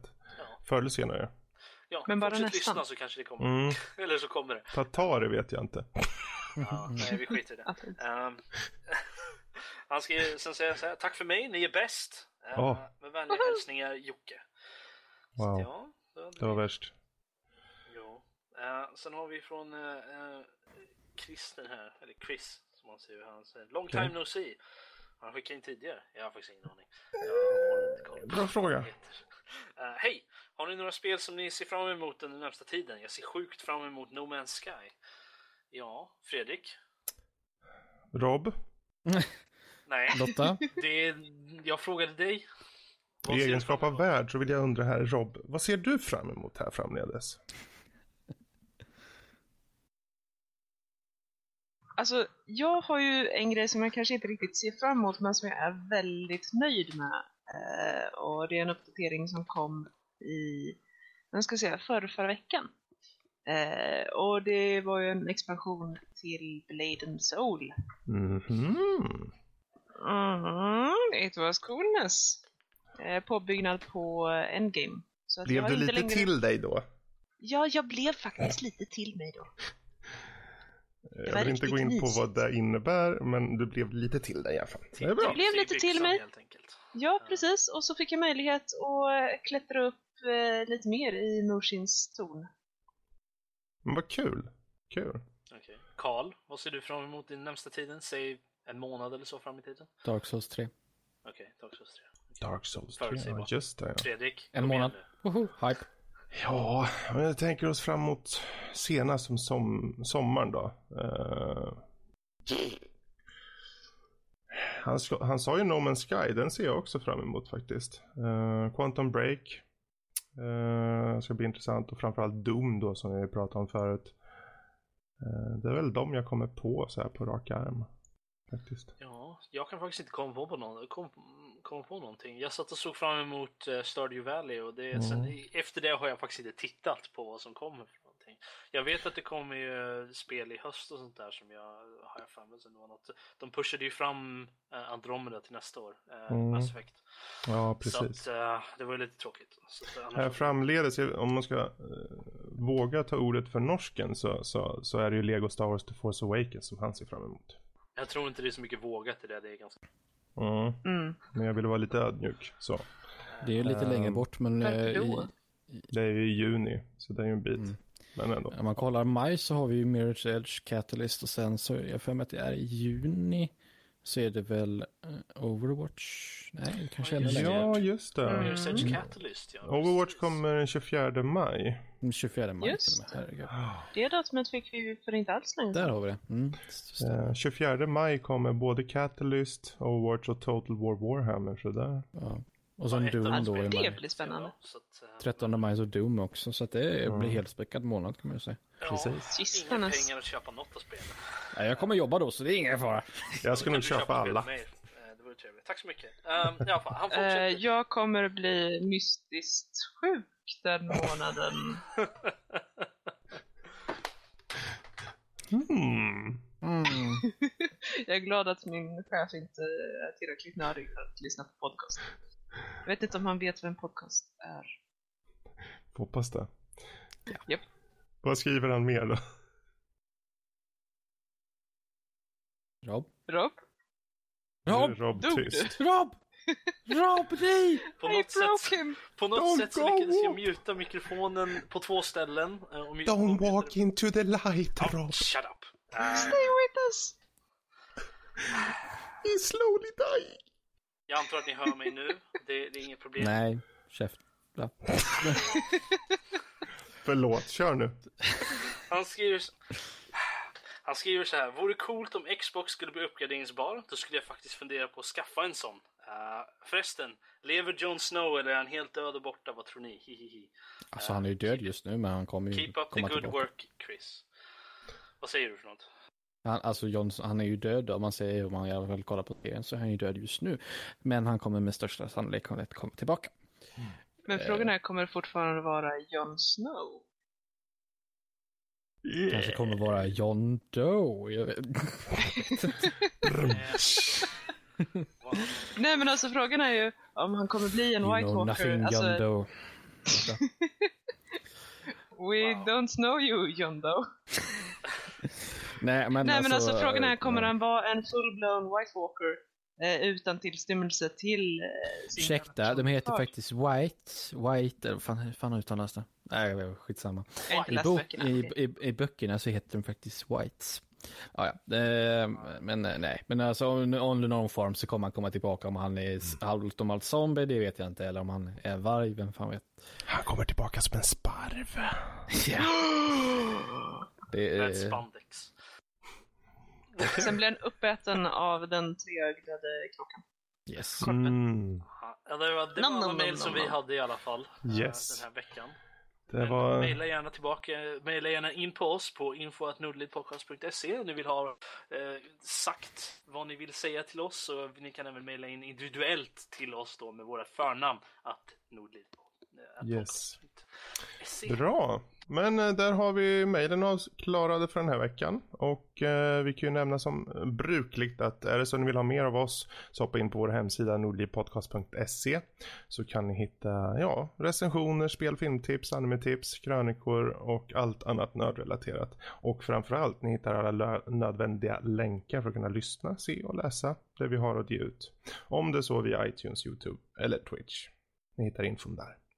Och självklart skulle vi vara jättetacksamma om ni prenumererar på oss antingen via er podcastapp, iTunes, YouTube, Twitch eller vår hemsida. Eh, så att ni får lite material när det släpps rakt i brevlådan så att säga. Och eh, apropå just iTunes, är det så att ni har möjlighet att gå in och betygsätta oss där så är det jätte, jättetacksamt. Det hjälper oss att synas mer och eh, folk kan upptäcka oss helt enkelt lättare då. Och är det så att ni har helt enkelt mer gripe med oss, det vill säga ni känner vad fan det här tyckte ni var helt fel när ni pratade om det här och det här tycker jag är jättedåligt eller vad söt Rob är när han har på sig negligé. Då mejlar ni in till oss på info.nordlivpodcast.se så kan ni berätta det här till oss. Det är som sagt jätteuppskattat med feedback och förslag som möjligt. Så, med eh, de skräckinjagande bilderna i huvudet så rundar vi av dagens episod. Um, jag får tacka gänget som har hängt med idag. Rob, Kalle och Lotta.